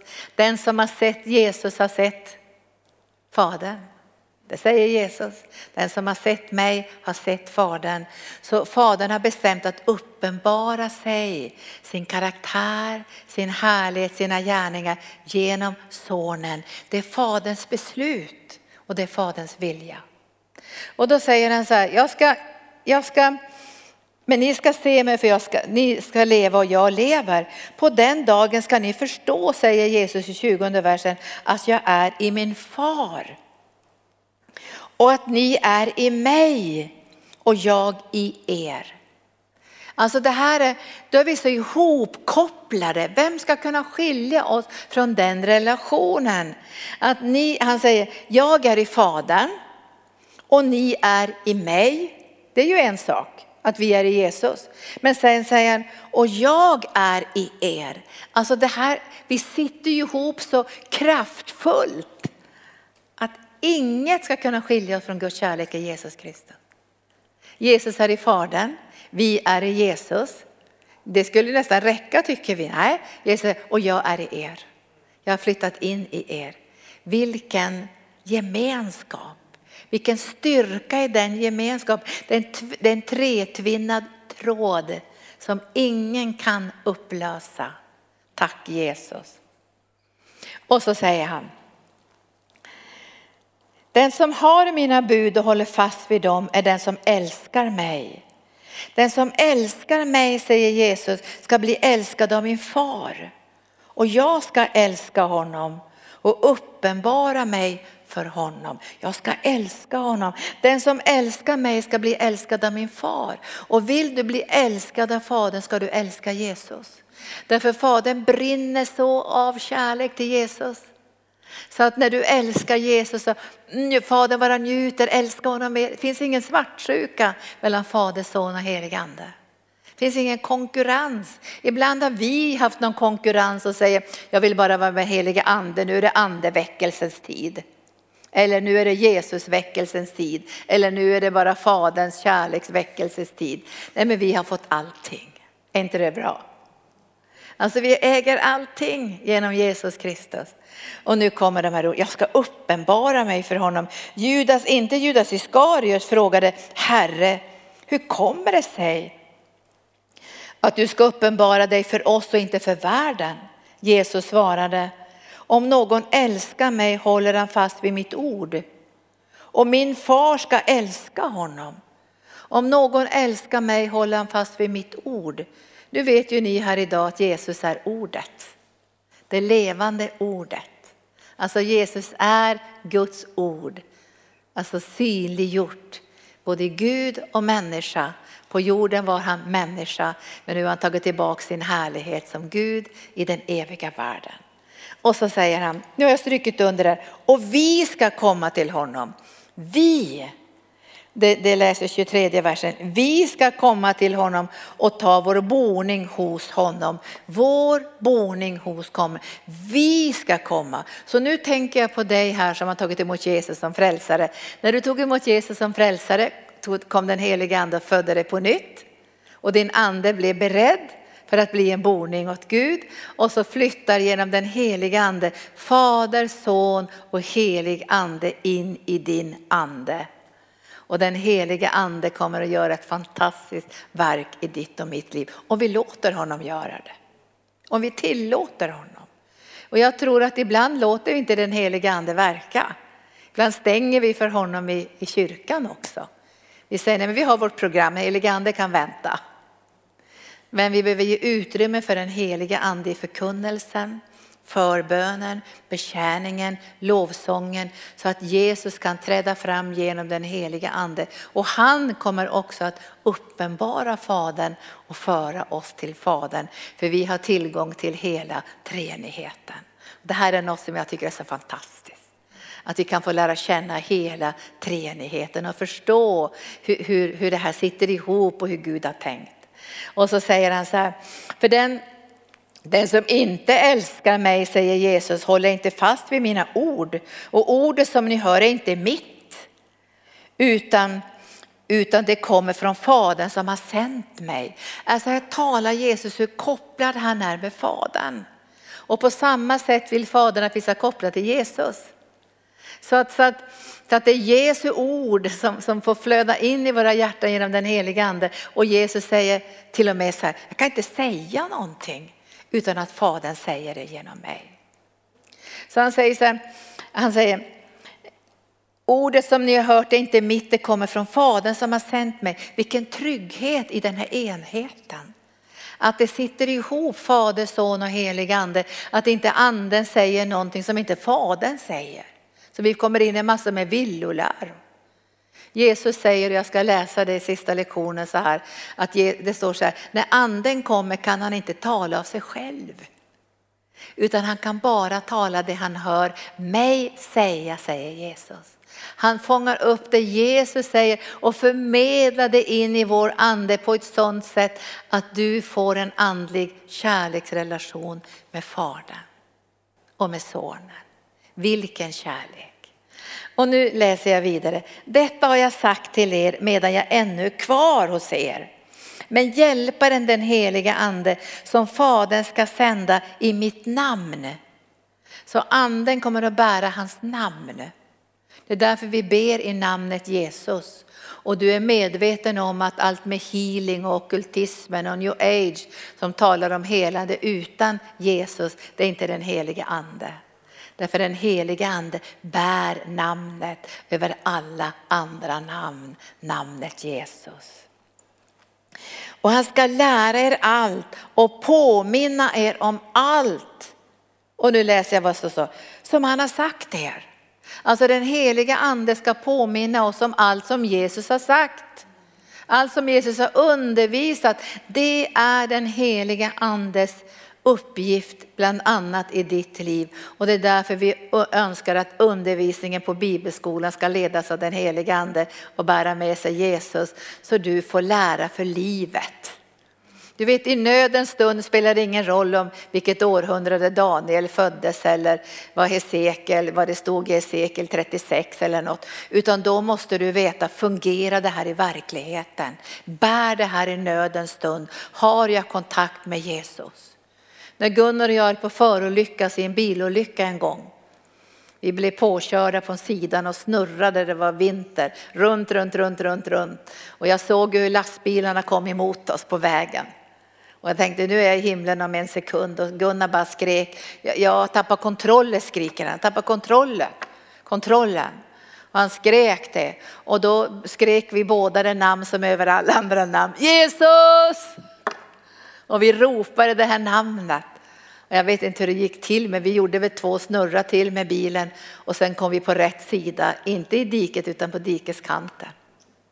Vad tror ni vi sa då? Tack Jesus, tack Jesus, tack Jesus, tack Jesus. Det här, alltså, hans namn är över alla andra namn och han är med dig alla dagar. Alltid hos dig och hjälper dig att komma ihåg saker.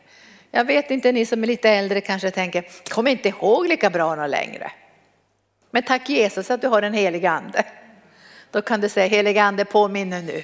Hur var det Jesus sa om det här? Hur skulle jag göra när jag var sur på någon? Helige Ande påminn mig om det. Hur var det egentligen? Skulle jag hämnas? Ge dem en orre? Eller smäll heter det ju. Och då kommer den helige ande och säger övervinn det onda men det goda säger den helige ande. Samla glödande koll på deras huvuden. Förlåt dem som har gjort det illa. Och den helige ande påminner oss om vad han har undervisat. Och man kan mer och mer ta in det i sitt innersta med hjälpen från den heliga ande. Men det jag säger i den här texten är, han har flyttat in i ditt hjärta. Och nästa vecka kommer vi att förklara, vad gör han där? För att vi måste bli trygga med den heliga ande så vi inte spjärnar emot. Vissa saker är ju underbara som anden gör. Vi får känna hans kärlek och vi ligger under kraften och som pastor Gunnar, han fattar inte vad som skedde när han var torr präst. Du vet pastor Gunnar, han, han hade ju inte mött väckelse, han kom in mycket senare i det här. Men när han fick möta Gud så här kraftfullt, jag förstår de här som såg den här torra prästen med svarta prästkläderna stå längst bak så här och skåda och så tog de fram honom. Och den helige ande kom över honom. Och ibland händer det saker som vi tänker, vad var det där? Alla andra förstår. Gunnar de klappade honom och sa vad underbart, vad underbart sa de. Och han hade bara legat på golvet bland en massa sladdar och tänkt vad händer mig?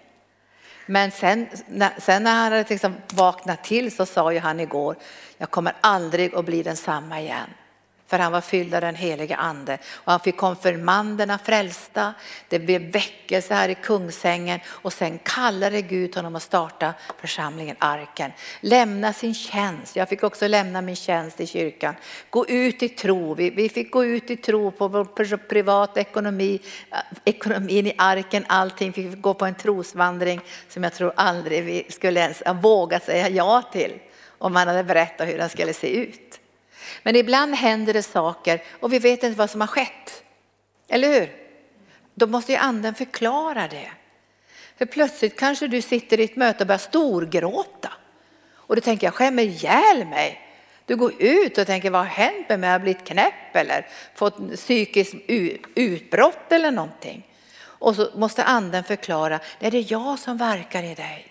Det är jag som smälter den här smärtan från barndomen. Det är därför som du gråter nu. Så förklarar anden vad som sker. Och det här är viktigt för dig och mig när vi kommer in i de här förvandlingsprocesserna. Att vi är trygga. Anden kommer aldrig slå dig, kränka dig, skada dig. Det är inte den heliga ande. Och ibland har vi trott att vi har lyssnat på konstig undervisning, att Gud sänder sjukdomar och bryter benet på dig. Och Ja, det har ni kanske aldrig hört. du kanske har mött någon förkunnare för länge sedan som smällde till dig. Det står om sådana i Bibeln. Som slår människor, kränker människor. Men det är inte den heliga ande. Och därför måste vi bli trygga med den heliga ande. Vi ska undervisa er så ni ska bli så trygga och kunna säga kom heliga ande och utför ditt verk med och förklara vad som sker. För jag har inte alltid själv förstått vad som sker. När jag kom under Guds kraft i i, i flera timmar när jag var utomlands. Flera timmar. Och nästan som Gunnar, men jag fick ligga ännu längre. Och jag tyckte det var så kallt på det där golvet. Och jag, jag ville resa mig upp och då sa anden, ligg kvar. Jag förstod inte, vad då ligg kvar på det kalla golvet? Men jag låg kvar för att anden manade mig. Och då hände någonting i mitt liv efter en eller två eller tre timmar. Då såg jag något från min barndom. Ja, det var en svår situation i min barndom när jag hade blivit kastad i väggen av en man som fick ett vredesutbrott när jag var i tvåårsåldern.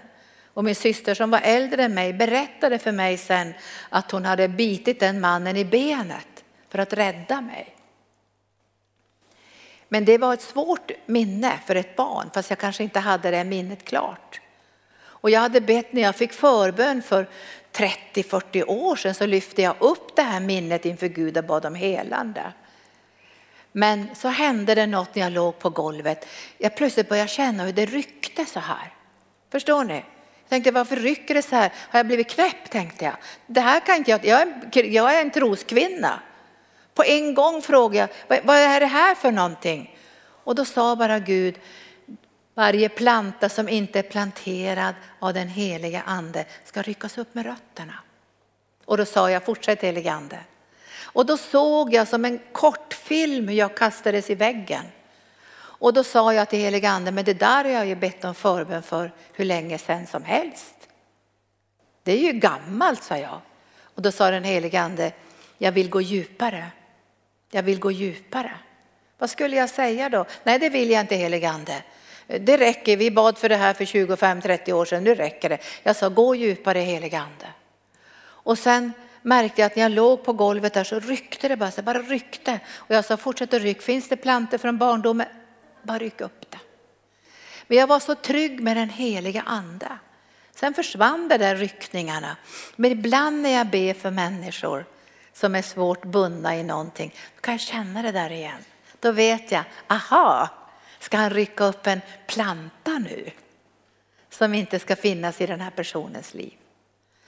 Men jag vill att ni ska bli trygga med den heliga ande, för ibland känns det jättehärligt, ibland känns det konstigt, ibland förstår man inte vad som händer. Men anden ska ge oss en sån trygghet så att vi kan säga ja till andens verk, men också nej till saker som inte kommer från den heliga ande. Eller hur?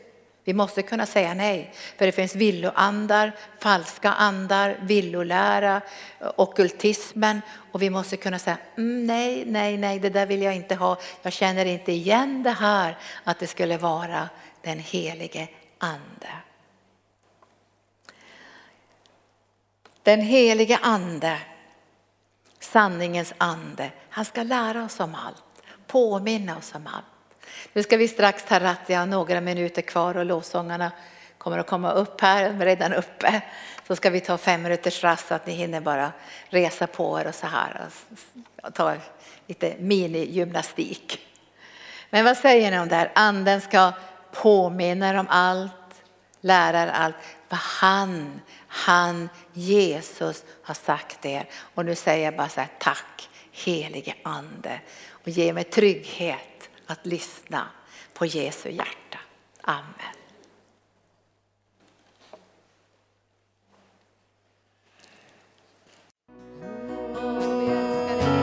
Vi älskar dig, vi älskar dig. Kom heliga ande uppenbara vår älskade Jesus. Så vi kan se honom som han är. Höra hans röst och hans undervisning och leda av hans ande och förberedas för evigheten. Och vi prisar dig Herre att vår kallelse inte bara på jorden, vår kallelse är till himlen, till evigheten. Där all din godhet som du inte har hunnit uppenbara här på jorden ska bli uppenbarad i himlen. Så mycket godhet finns för att det ska bli uppenbarat att det räcker inte det här korta jordelivet. Men vi vill att du ska veta Jesus, vi älskar dig. Och vi tänker ge tid för att lära känna dig, få kunskap i ordet och växa och mogna som troende. Så vi kan vara med och bygga din församling ut över världen. Som blir en boningsplats för dig som är mycket större än den som är i våra hjärtan. För du vill bygga en boning, ett tempel. Där alla troende i den lokala församlingen ska fogas samman. Och sen alla troende i hela världen ska fogas samman. Och jag tackar dig Jesus för vi får gå på bibelskola i år igen. Vi får gå på bibelskola i år igen, tack Jesus. Tack för att jag får vara bibellärare igen. Att jag får lägga mitt liv på altarplatsen för att tjäna den här nya gruppen av bibelelever som inte bara är i Sverige och Norden utan utöver världen. Jag tackar dig Jesus. Vi överlåter oss nu och lägger våra liv på altarplatsen med hörande öron. Vi vill höra på lärjunga sätt och vi vill höra och förstå med hjälpen från den heliga Ande. Amen. Halleluja, visst är det härligt med lovsång. Vet ni att vi kommer att börja en lovsångsutbildning här också. Och jag tror att det är över 30 elever som är anmälda. Den kommer att gå på torsdagar klockan 18 också på nätet. Så den kommer att handla mycket om lovsång, den nya sången till Lammet. Så det kommer att börja den nionde, så det är bara några dagar till dess. Och den, den första kvällen är öppen för alla. Sen måste man boka in sig, men första kvällen kan vem som helst vara med och bara lyssna och få en känsla av vad ska den här lovsångkursen handla om. Den kommer att handla om att älska Jesus. Att vi ska följa Faderns instruktioner att ära lammet och älska lammet, lyfta upp lammet. För det är bara han som är värdig att ta emot härligheten, makten, kraften, tacksägelsen, visdomen, ni vet allt det där. som står i Uppenbarelseboken kapitel 5 och kapitel 7. Då har vi läst Johannes evangelium kapitel 14. Vi ska flytta in i era hjärtan. Fader, son och helig ande. Men sen kommer betoningen. När vi börjar vandra i anden så ligger betoningen på Jesus. Alltså anden kommer att lägga betoningen på Jesus. Och det här måste vi respektera att det är på det här sättet. Att det här är Faderns vilja. Så älskade Gud världen att han gav sin enda son. Och ni vet att när Jesus går ner i jordens vatten, vad säger anden då? Vad säger Fadern då? För det står ju att anden sänkte sig över Jesus som en duva. Och så hör vi rösten från himlen som säger, det här är min älskade son. I honom har jag min glädje. Och jag vet att när jag älskar Jesus och lyfter upp Jesus och betjänar Jesus så kommer Fadern att ha sin glädje i mig. Därför jag har min glädje i Jesus, eller hur? Så Fadern säger, jag har min glädje i sonen. Och på förklaringsberget, när några av tre av lärjungarna är där och Jesus förklarar sig inför dem vem han är. Och han skiner så starkt och härligt. Då säger fadern, kommer ni ihåg vad fadern säger då? Det här är min älskade son, lyssna till honom, lyssna till honom. Och är det så att fadern säger lyssna till honom, då lyssnar jag till Jesus. Och jag vet om att jag kan inte lyssna till Jesus utan hjälpen från den helige ande. Jag kan ju lära mig hela bibeln utan till, men jag måste ha anden i ordet som ger uppenbarelse och ljus.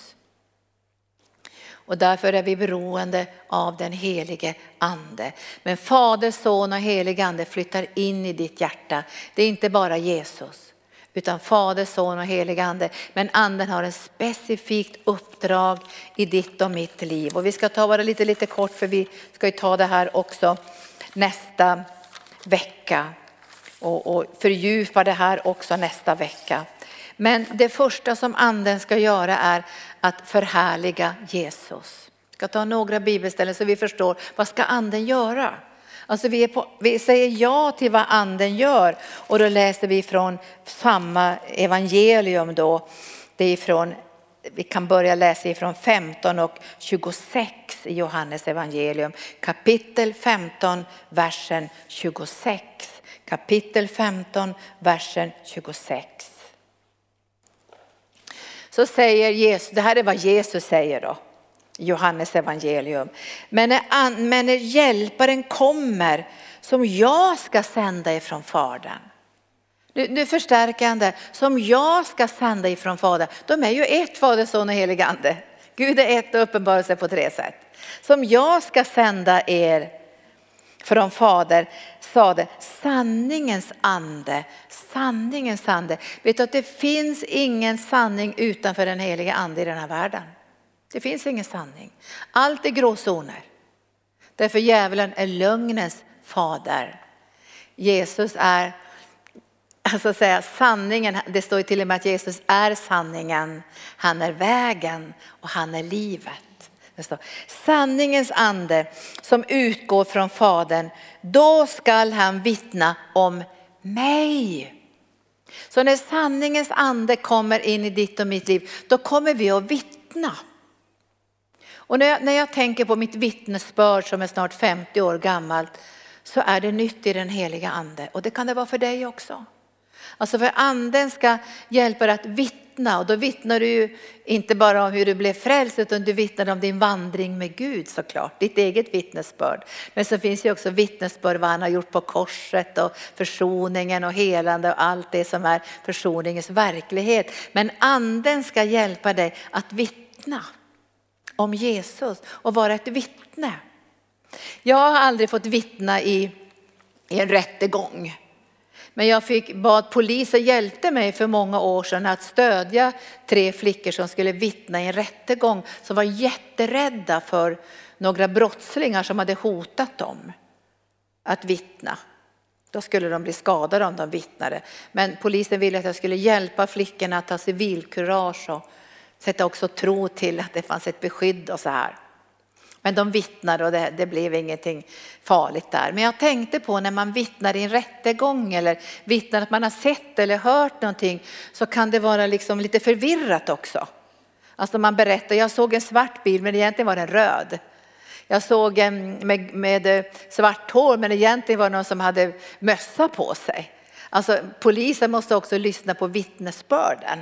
Att det kanske inte riktigt är exakt. Ni vet, men när vi vittnar om Jesus är det genom sanningens ande. Sanningens ande, det är inte ditt och mitt påhitt. Det är inte ditt och mitt, vi hittar på någonting här, utan det är sanningens ande, den helige ande som hjälper oss att vittna om Jesus. Och vi måste ha sanningens ande som gör det här. Men det finns så mycket villolära i den här världen, så mycket människotankar. Och allt är ju inte synd heller, det är förvirring. När jag var ung så sa Gud, det här är hemkokt. Vad säger hemkokt? Det kanske går att översätta till engelska. Men made at home in the kitchen. Hitta på grejer. Det är hemkokt, det är inte så att det är villolära, men det är hemkokt. Hitta på grejer, hitta på profetia eller vad som helst. För vi är beroende av den heliga ande, sanningens ande. Och när, när Petrus försöker prata Jesus till rätta, Kommer ni ihåg det? Så säger han Jesus du kan inte dö, du får inte gå den här hemska vägen för Gud är god och Jesus visste ju att han skulle gå korsets väg. Det visste ju han. Så han säger gå bort Satan, säger han, för han ser ju att djävulen står bakom Petrus. Gå bort Satan, för det här är inte Guds tankar, det är människotankar. Och därför behöver du och jag den heliga ande för att hålla vårt privata vittnesbörd levande och kunna fortsätta att vittna om Jesus. Men han säger ju sen att vi ska få kraft från höjden så vi ska kunna bli hans vittnen. Så det finns ytterligare en dimension av utrustning i den heliga ande. Men, men jag tror att här finns det också Alltså, någonting som handlar om det inre livet också. Att du och jag kommer att känna igen det här kan inte vara från Gud. Och därför behöver vi också lärare. Men det står ju i Johannes eh, brev att ni behöver inte ha någon lärare för anden själv ska vittna. Ja, så att den här dimensionen finns också att ni måste höra Gud själva.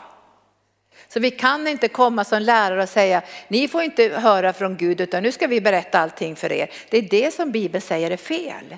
Utan ni har ett eget ansvar och jag har ett eget ansvar. Sen behöver vi lärare profeter, herdar, evangelister som kallas för det femfaldiga ämbetet som hjälper oss.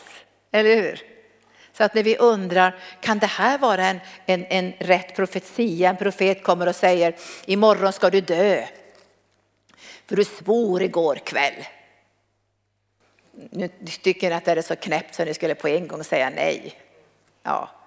Men en del kanske inte har läst Bibeln. Ja, men jag svor igår kväll jättemycket, fick ett vredesutbrott. Tänk om jag måste dö och det blir straffet döden. Då måste du veta och få hjälp kanske. Då skulle jag kunna säga, nej det där är inte från Gud. Därför när det profetiska kommer är det uppmuntran, det är uppbyggelse och det är tröst. Det kommer från Guds hjärta. Våra goda gåvor och fullkomliga skänker kommer ovanifrån, från himlaljusets fader. Och då, då, kan vi hjälpa er, för alla kan ju inte Bibeln på en gång. Men sanningens ande, alltså när sanningens ande kommer, då, då, då, får vi, då blir det inte så mycket underdrifter och överdrifter, utan vi växer till. Sanningens ande.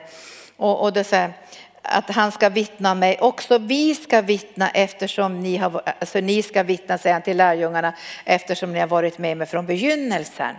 Och sen läser vi Johannes evangelium 16 och 12. 16 och 12. Starka ord. Här kommer det också vad den helige ande, hjälparen, ska göra. Och han säger, jag har mycket mer att säga er men ni kan inte bära det nu. Det är ganska bra att veta det, han gav inte allting. Utan han skulle sakta men säkert uppenbara det för lärjungarna. Men vi går inte över vad skrivet är. Vi har inte några konstiga uppenbarelser utöver skriften, eller hur? Bibeln säger vi ska hålla oss till skriften. Så den heliga ande kommer inte att säga till dig och mig, nu har jag hittat på någonting annat här i den här boken som någon har skrivit som går emot Guds ord. Det gör, det gör vi aldrig. Vi håller oss till skriften. Men jag har mycket mer som jag vill säga, men ni kan inte bära det nu. Det är inte allt som jag har kunnat bära genom livet när jag har vandrat. För jag var inte församlingsbyggare när jag var ung, jag var mer evangelist och hjälpte människor på ett individuellt plan. Och jag var en gång på ett seminarium som handlade om församlingsbyggande. Och jag tänkte fy vilket trist seminarium. Det handlar om ekonomi och det handlar om ordningar och det handlar om det ena och det andra. Jag sa, och hemgrupper. Jag sa nej, jag vill bara vara evangelist. Och satt liksom och protesterade lite där. Tyckte det här behöver väl inte jag. Och då, vet du vad Gud sa då? Det kommer du att behöva. Men du är inte mogen för det än på långa vägar. Hjälp. Jag var inte mogen på långa vägar. Men då sa Gud någonting sånt här. Sätt det här nu i en andlig kruka och sätt in det i skåpet. Så kommer vi att ta fram den där krukan lite längre fram. När du förstår det uppdrag du har fått ifrån mig. Att du kommer att vara med och bygga församlingar. Men jag förstod inte det där då. Jag var inte mogen för det. Men jag kastade inte bort det. Utan än idag kommer jag ihåg det här seminariet. Därför jag gav det till Gud och så stoppade han in det på den andliga hyllan och sen har han plockat tillbaka det här sen i mitt liv när jag började förstå det här med pengar. För jag var ju med Jesusfolket. Ja, vi bad ju om mat för varje dag ungefär och levde från, från dag till dag i tro att Gud skulle försörja oss. Och sen skulle Gud kalla in mig i ett stort arbete som krävde miljontals kronor. Det fanns inte i min fantasi ens. Men en dag behövde jag förstå det här med tionde och hur, får man, hur, hur bygger man församling och sådana saker. Jag var inte mogen för det. Han säger, jag har mycket mer att säga det Linda Bergling men du kan inte bära det nu. Det står inte mitt namn där men jag påminner mig om det. Men när han kommer sanningens ande ska han leda er in i hela sanningen. Alltså här finns också en växt och förståelse av Guds ord. Och det här kommer ni att få på bibelskolan. Vi kommer att växa. Och det var någon som sa så här att ett år på bibelskolan, ungefär så här, ska vara 20 år i vanlig församling med ett möte i veckan. Då förstår ni hur förändrade ni kommer att bli. Så när ni möter andra efter ett år som har gått, kanske gått knappt på ett möte i veckan så kommer de att, ni kommer att vara som två skilda världar. Därför Gud kommer att ge er så mycket och då tänker ni, hur ska jag kunna bära så mycket? Hur ska jag kunna implementera så mycket? Hur ska jag kunna, jag blir korvstoppad. Du kommer inte bli korvstoppad. Du kommer att bli beredd för att bli en kanal för att kunna ge vidare till tusentals människor. Och jag tror att ju mer du äter ju hungrigare blir du. Visst är det så? Vi har erfarenhet av det. Jag har ibland blivit bjuden på fina fester och jag passar på att äta. Jag var bjuden på en fest häromdagen, min dotter fyllde år. Och då sa jag, nu passar jag på att äta, för annars äter inte jag så jättemycket. Jag tänkte att det var så gott det jag åt och jag tänkte, jag kommer att vara helt mätt dagen på. Tror du jag var mätt dagen på? Nej, det var jag ännu hungrigare. Därför att när man äter mycket blir man ännu hungrigare, så är det med Guds ord också. Det bara växer en hunger. Han ska föra er in i hela sanningen. Nu håller jag på att läsa i den trettonde versen. Han ska inte tala av sig själv. Den heliga ande ska inte tala av sig själv. Han kommer inte hitta på en massa saker. Han kommer bara tala det han hör. Och han ska förkunna för er vad som kommer att ske. Han skall förhärliga mig, för han ska ta av det som är mitt och förkunna det för er. Allt som Fadern har är mitt. Därför säger jag att han ska ta det som är mitt och förkunna det för er. Ser ni den här sammankopplingen och enheten? Den helige ande hör. Och jag ber jämt till den helige ande, jag måste få höra. Jag försöker motionera varje dag. Inte, det går inte varje dag, men jag försöker göra det varje dag. Gå fyra kilometer. Och det är egentligen en bönevandring. Så, så, igår när jag gick på den här bönevandringen så var det ganska mycket barken och olika praktiska saker och så. Så när jag gick på bönevandringen så hade jag en bön på insidan, Herre jag vill höra. För helige ande ska ju också höra. Och när han hör så vill jag höra. Det var som att ta bort alla proppar ur mina öron nu för nu vill jag höra. Och då hörde jag alltså linjen för den här dagen. Att det skulle väckas en längtan. Jag har inga andra ambitioner än att du ska väcka sin längtan att höra mer. Att böja dig under hans kärlekssmörjelse. Och kanske du som ser mig nu kanske tänker, ska jag gå på bibelskolan, det blir väl jobbigt? Nej men det blir inget jobbigt, du kan gå på distans. Du kan gå i Indien, i Filippinerna, ännu fler i Israel. Det är underbart när vi åker dit, va? men tänk att få vara med så här på nätet. Kan hända att den helige ande talar. Kan hända att han, han bara rör vid någons hjärta just nu och säger, jag vill ha dig vid mitt hjärta. Jag vill att du ska få luta dig mot mitt bröst. Jag vill att du ska höra att jag bor i ditt innersta. Och så får man säga ja till Jesus. Alltså anden talar och så säger han, nu citerar jag igen, han ska vittna om mig säger Jesus och han ska förhärliga mig. Han ska förhärliga mig. Och det här förhärliga hör ju ihop med den heliga andes härlighet. Så när du är i Jesus så vilar härlighetens ande över dig. Alltså ett erkännande. Vi ska ta det här till sist sen, bara några bibelställen, att du har Guds sigill på din panna. Alltså vi, jag vet ju inte om vi går in i de yttersta tiderna men jag tror vi är på väg in. Om jag nu ska vara profet idag så tror jag vi är på väg in i de yttersta tiderna. Och det är många som, jag, jag var ju med i miljörörelsen för många, många, många år sedan och det fanns massor med klimatförnekare där. Och man trodde inte på, hade man hade inte läst Bibeln så vad skulle jag kunna säga? Men idag kan jag ju min Bibel och jag vet vad vi är på väg in i. Och jag vet att det kommer att bli, när man läser skrifterna, ni kan ju uppenbarelseboken en del av er, så blir det här inte lätt.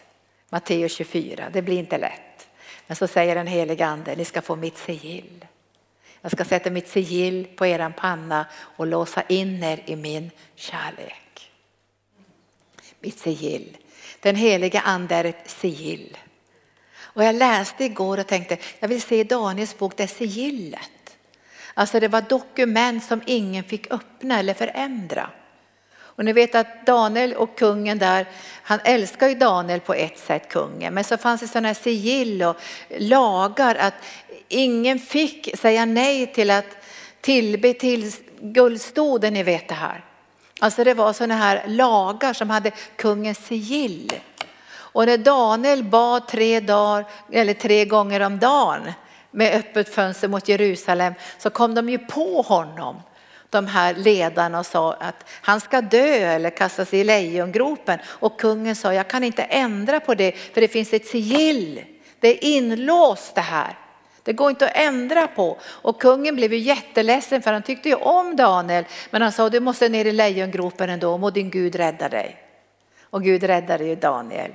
Men jag satt och läste om det där sigillet, alltså kungens sigill.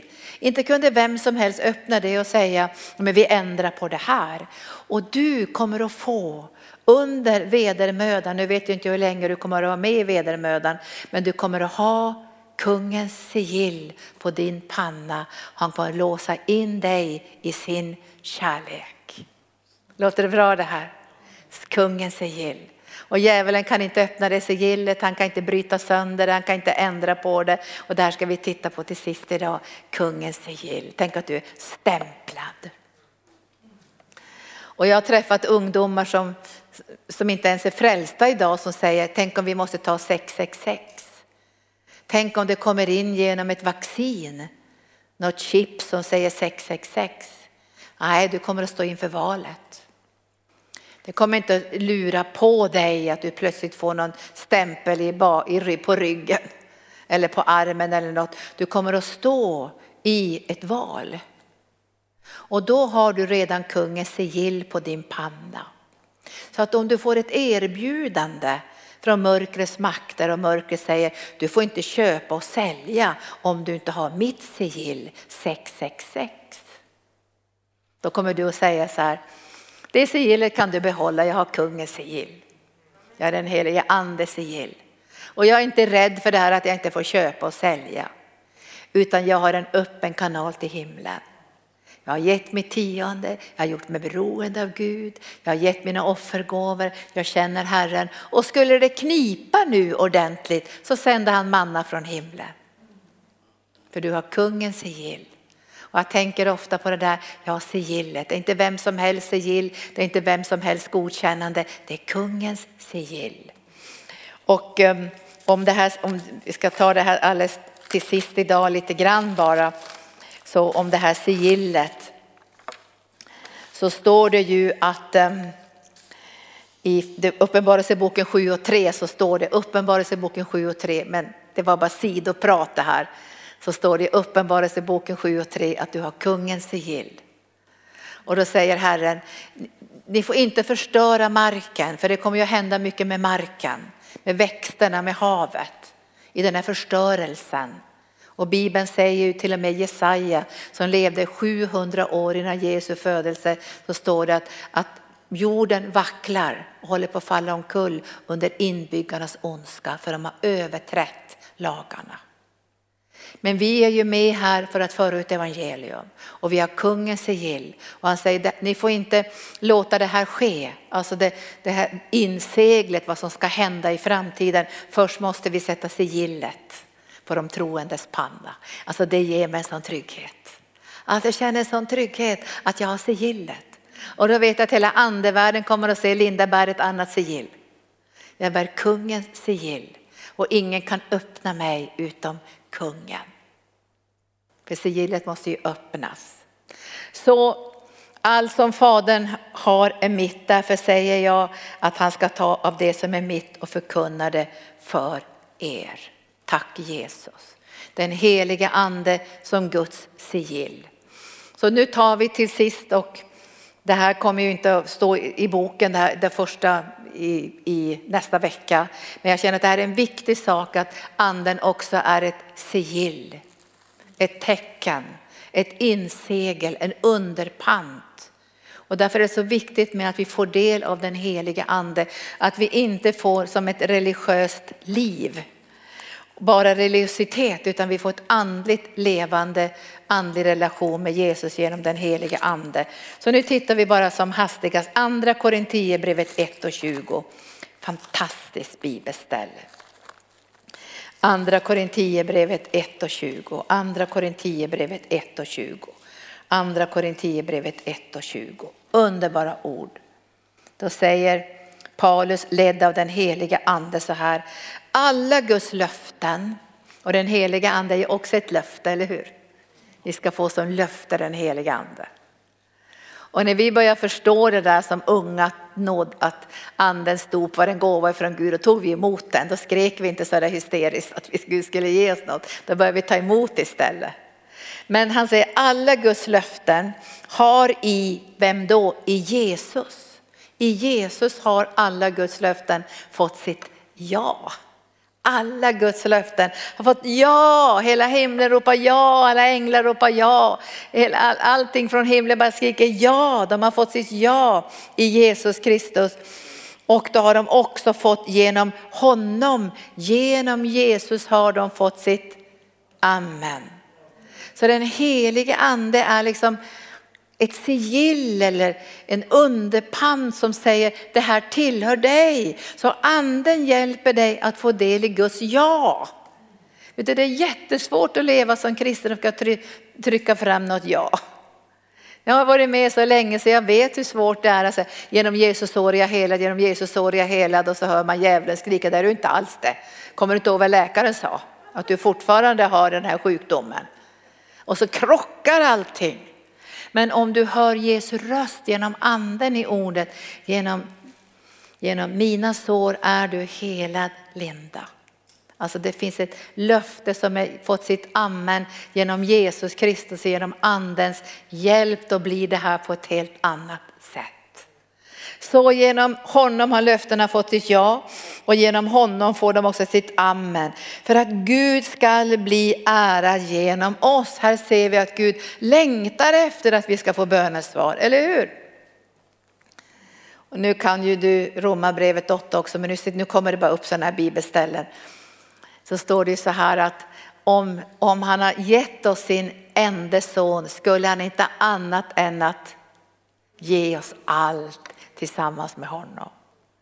Och så står det, för det är Gud som befäster er.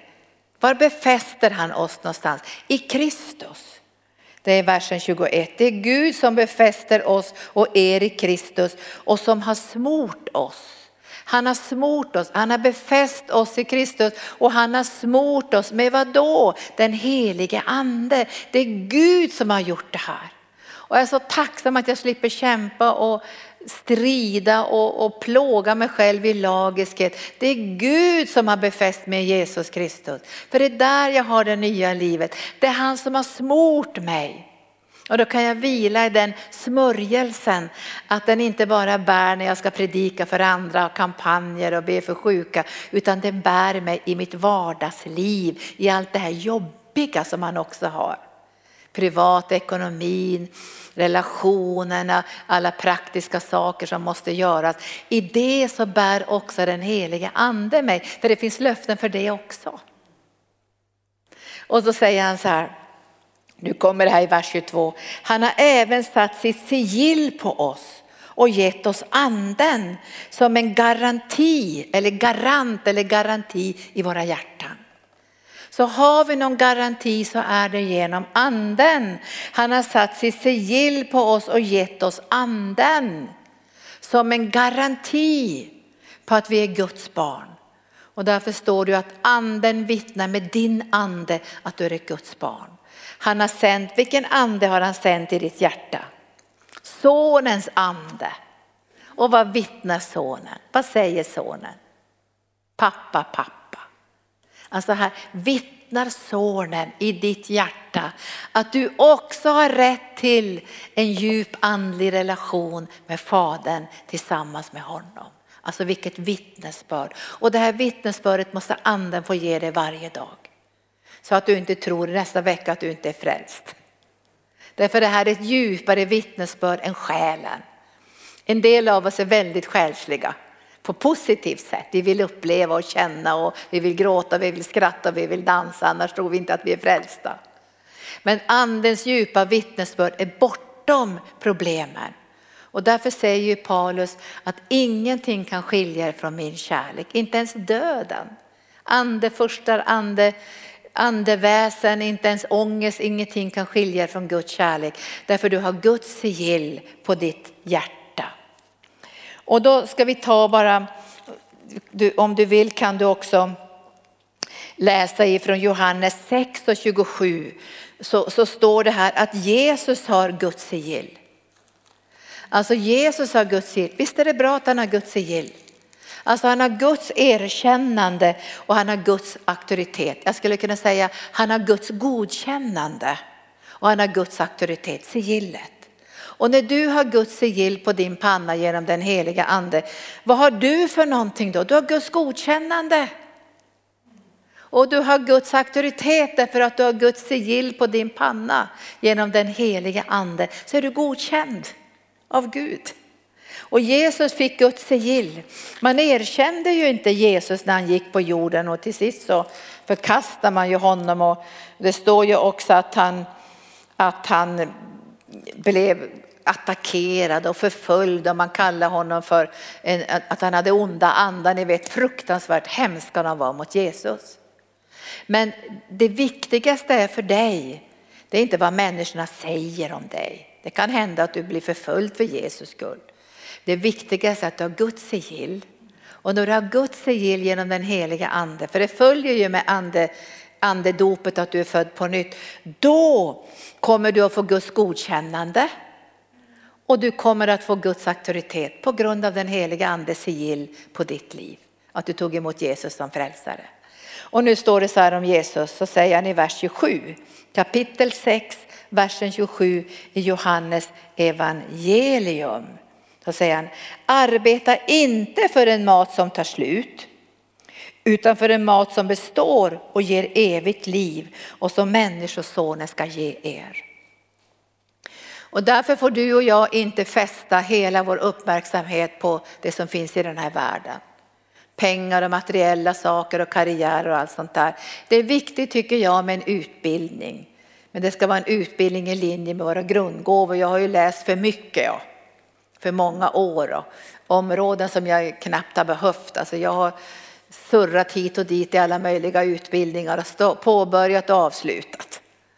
Därför jag var så kunskapstörstande till jag förstod att Gud hade en plan för mitt liv och jag behövde utbildning i linje med mina grundgåvor. Och det gjorde att jag fick en helt annan syn på det här. Men för mig handlar det inte om att arbeta för att få pengar utan det handlar om att tjäna Jesus, följa Jesus, lägga ner mitt liv. Och nu säger han, på honom har Gud Fadern satt sitt sigill. På honom har Gud Fadern satt sitt sigill. För mig är det jätteviktigt att Jesus har Guds sigill. Helige ande sigill, erkännande, han är Messias. Den levande Gudens son, Jesus är Gud. Förstår ni? Många religioner tycker att Jesus är bra på sitt sätt, han är bara en profet eller han är en god människa och går och frågar i islam så säger de att ja, men vi tror också på Jesus, han var en god människa. Men du vet att Gud har satt sitt sigill på Jesus genom den heliga ande så att du och jag ska veta vem han är. Sann Gud och sann människa. Det uppdrag han har i den här världen, att han är godkänd av Gud, att han har Guds auktoritet. Ni ser Guds auktoritet genom Jesus när han går på jorden. Han, han, är så viss om sin auktoritet så att jag blir nästan lite uppskakad vid Lazarus grav. När han står där och så säger han, ja jag vet att jag får allt vad jag ber om. Men nu ber jag högt för de här som står här för de ska veta det. Vilken relation. Alltså nu ber jag högt för att de ska förstå. Han har Guds godkännande, han har Guds auktoritet. Därför är Jesus genomtrygg genomtrygg. Du och jag är inte alltid genomtrygga. Vi är så rädda. Är jag accepterad? Är jag älskad? Tänk om Gud inte tycker om mig. Jag, jag svor ju till förra veckan och gapade på mina barn och jag glömde bort att ge tionde och tänk om man inte vill använda mig. Alltså det blir så mycket surr. Eller hur? Och sen spär djävulen på. Det var någon som visade mig någon rolig sak på nätet. Så, så här, om du känner att, om du tycker själv att ingen älskar dig och mår dåligt en dag så titta dig i spegeln också. Det är ungefär vad djävulen skulle säga. Först säger han du är så ful och misslyckad och ingen älskar dig. Sen försöker han bekräfta det med falska under och tecken. Men du har Guds sigill. Lyssna nu noga, du har Guds sigill. Och det betyder att du är godkänd och du har auktoritet. Jesus visste det där. Alltså han är så trygg. Han visste det där. Jag är godkänd, Gud har sin glädje i mig. Och när Gud sa det där vid, vid, vid jordens vatten, då hade han ju inte hunnit göra någonting. Eller hur? Han hade gått i 30 år och inte botat en enda sjuk. Vi vet ju det. För Gud hade inte kallat honom ännu utan då skulle han bli smord av den heliga ande vid jordens vatten för att göra tjänsten. Men innan han fick den här smörjelsen för tjänst så hade han sin relation med Fadern i 30 år. Jag tror det, ja, kanske inte 30 för att han var ju så pytteliten från början som alla spädbarn. Men jag tror att redan i späd ålder kände han Fadern. Måste ha gjort det, för han syndade aldrig. Han var godkänd. Och genom det här sigillet så kommer du att höra varenda dag jag älskar dig, jag älskar dig. Så Gud satte sigillet på min panna och det var därför jag hörde Linda, jag älskar dig. Och det är inte alltid jag har känt mig godkänd på grund av att människor inte har godkänt mig. Eller kanske förtalat mig eller sagt saker om mig så jag tänker, är det där jag? Åsikter som jag inte ens känner igen. Då är det väldigt viktigt att veta, jag är godkänd av Gud. Kom ihåg sigillet. Det är både här och här, både här och här. Det är sigillet. Godkända Gud, auktoritet från Gud. Jesus hade också sigillet. Och då snabbläser jag eh, några bibelställen för Efesierbrevet 1 och 3. Efesierbrevet 1 och 3. Så kan vi tänka på det över helgen. Jag är stämplad av Gud. Det är den enda stämpeln jag vill ha. Jag vet att människor stämplar oss i församlingen stämplar oss jättemycket. Men jag tycker att det viktigaste är stämpeln från Gud. Tack Jesus. Tack Jesus, tack Jesus, tack Jesus, tack Jesus. Vi ska se här vad vi ska ta. Mm, vi ska ta, ja. Vi ska ta, ska se.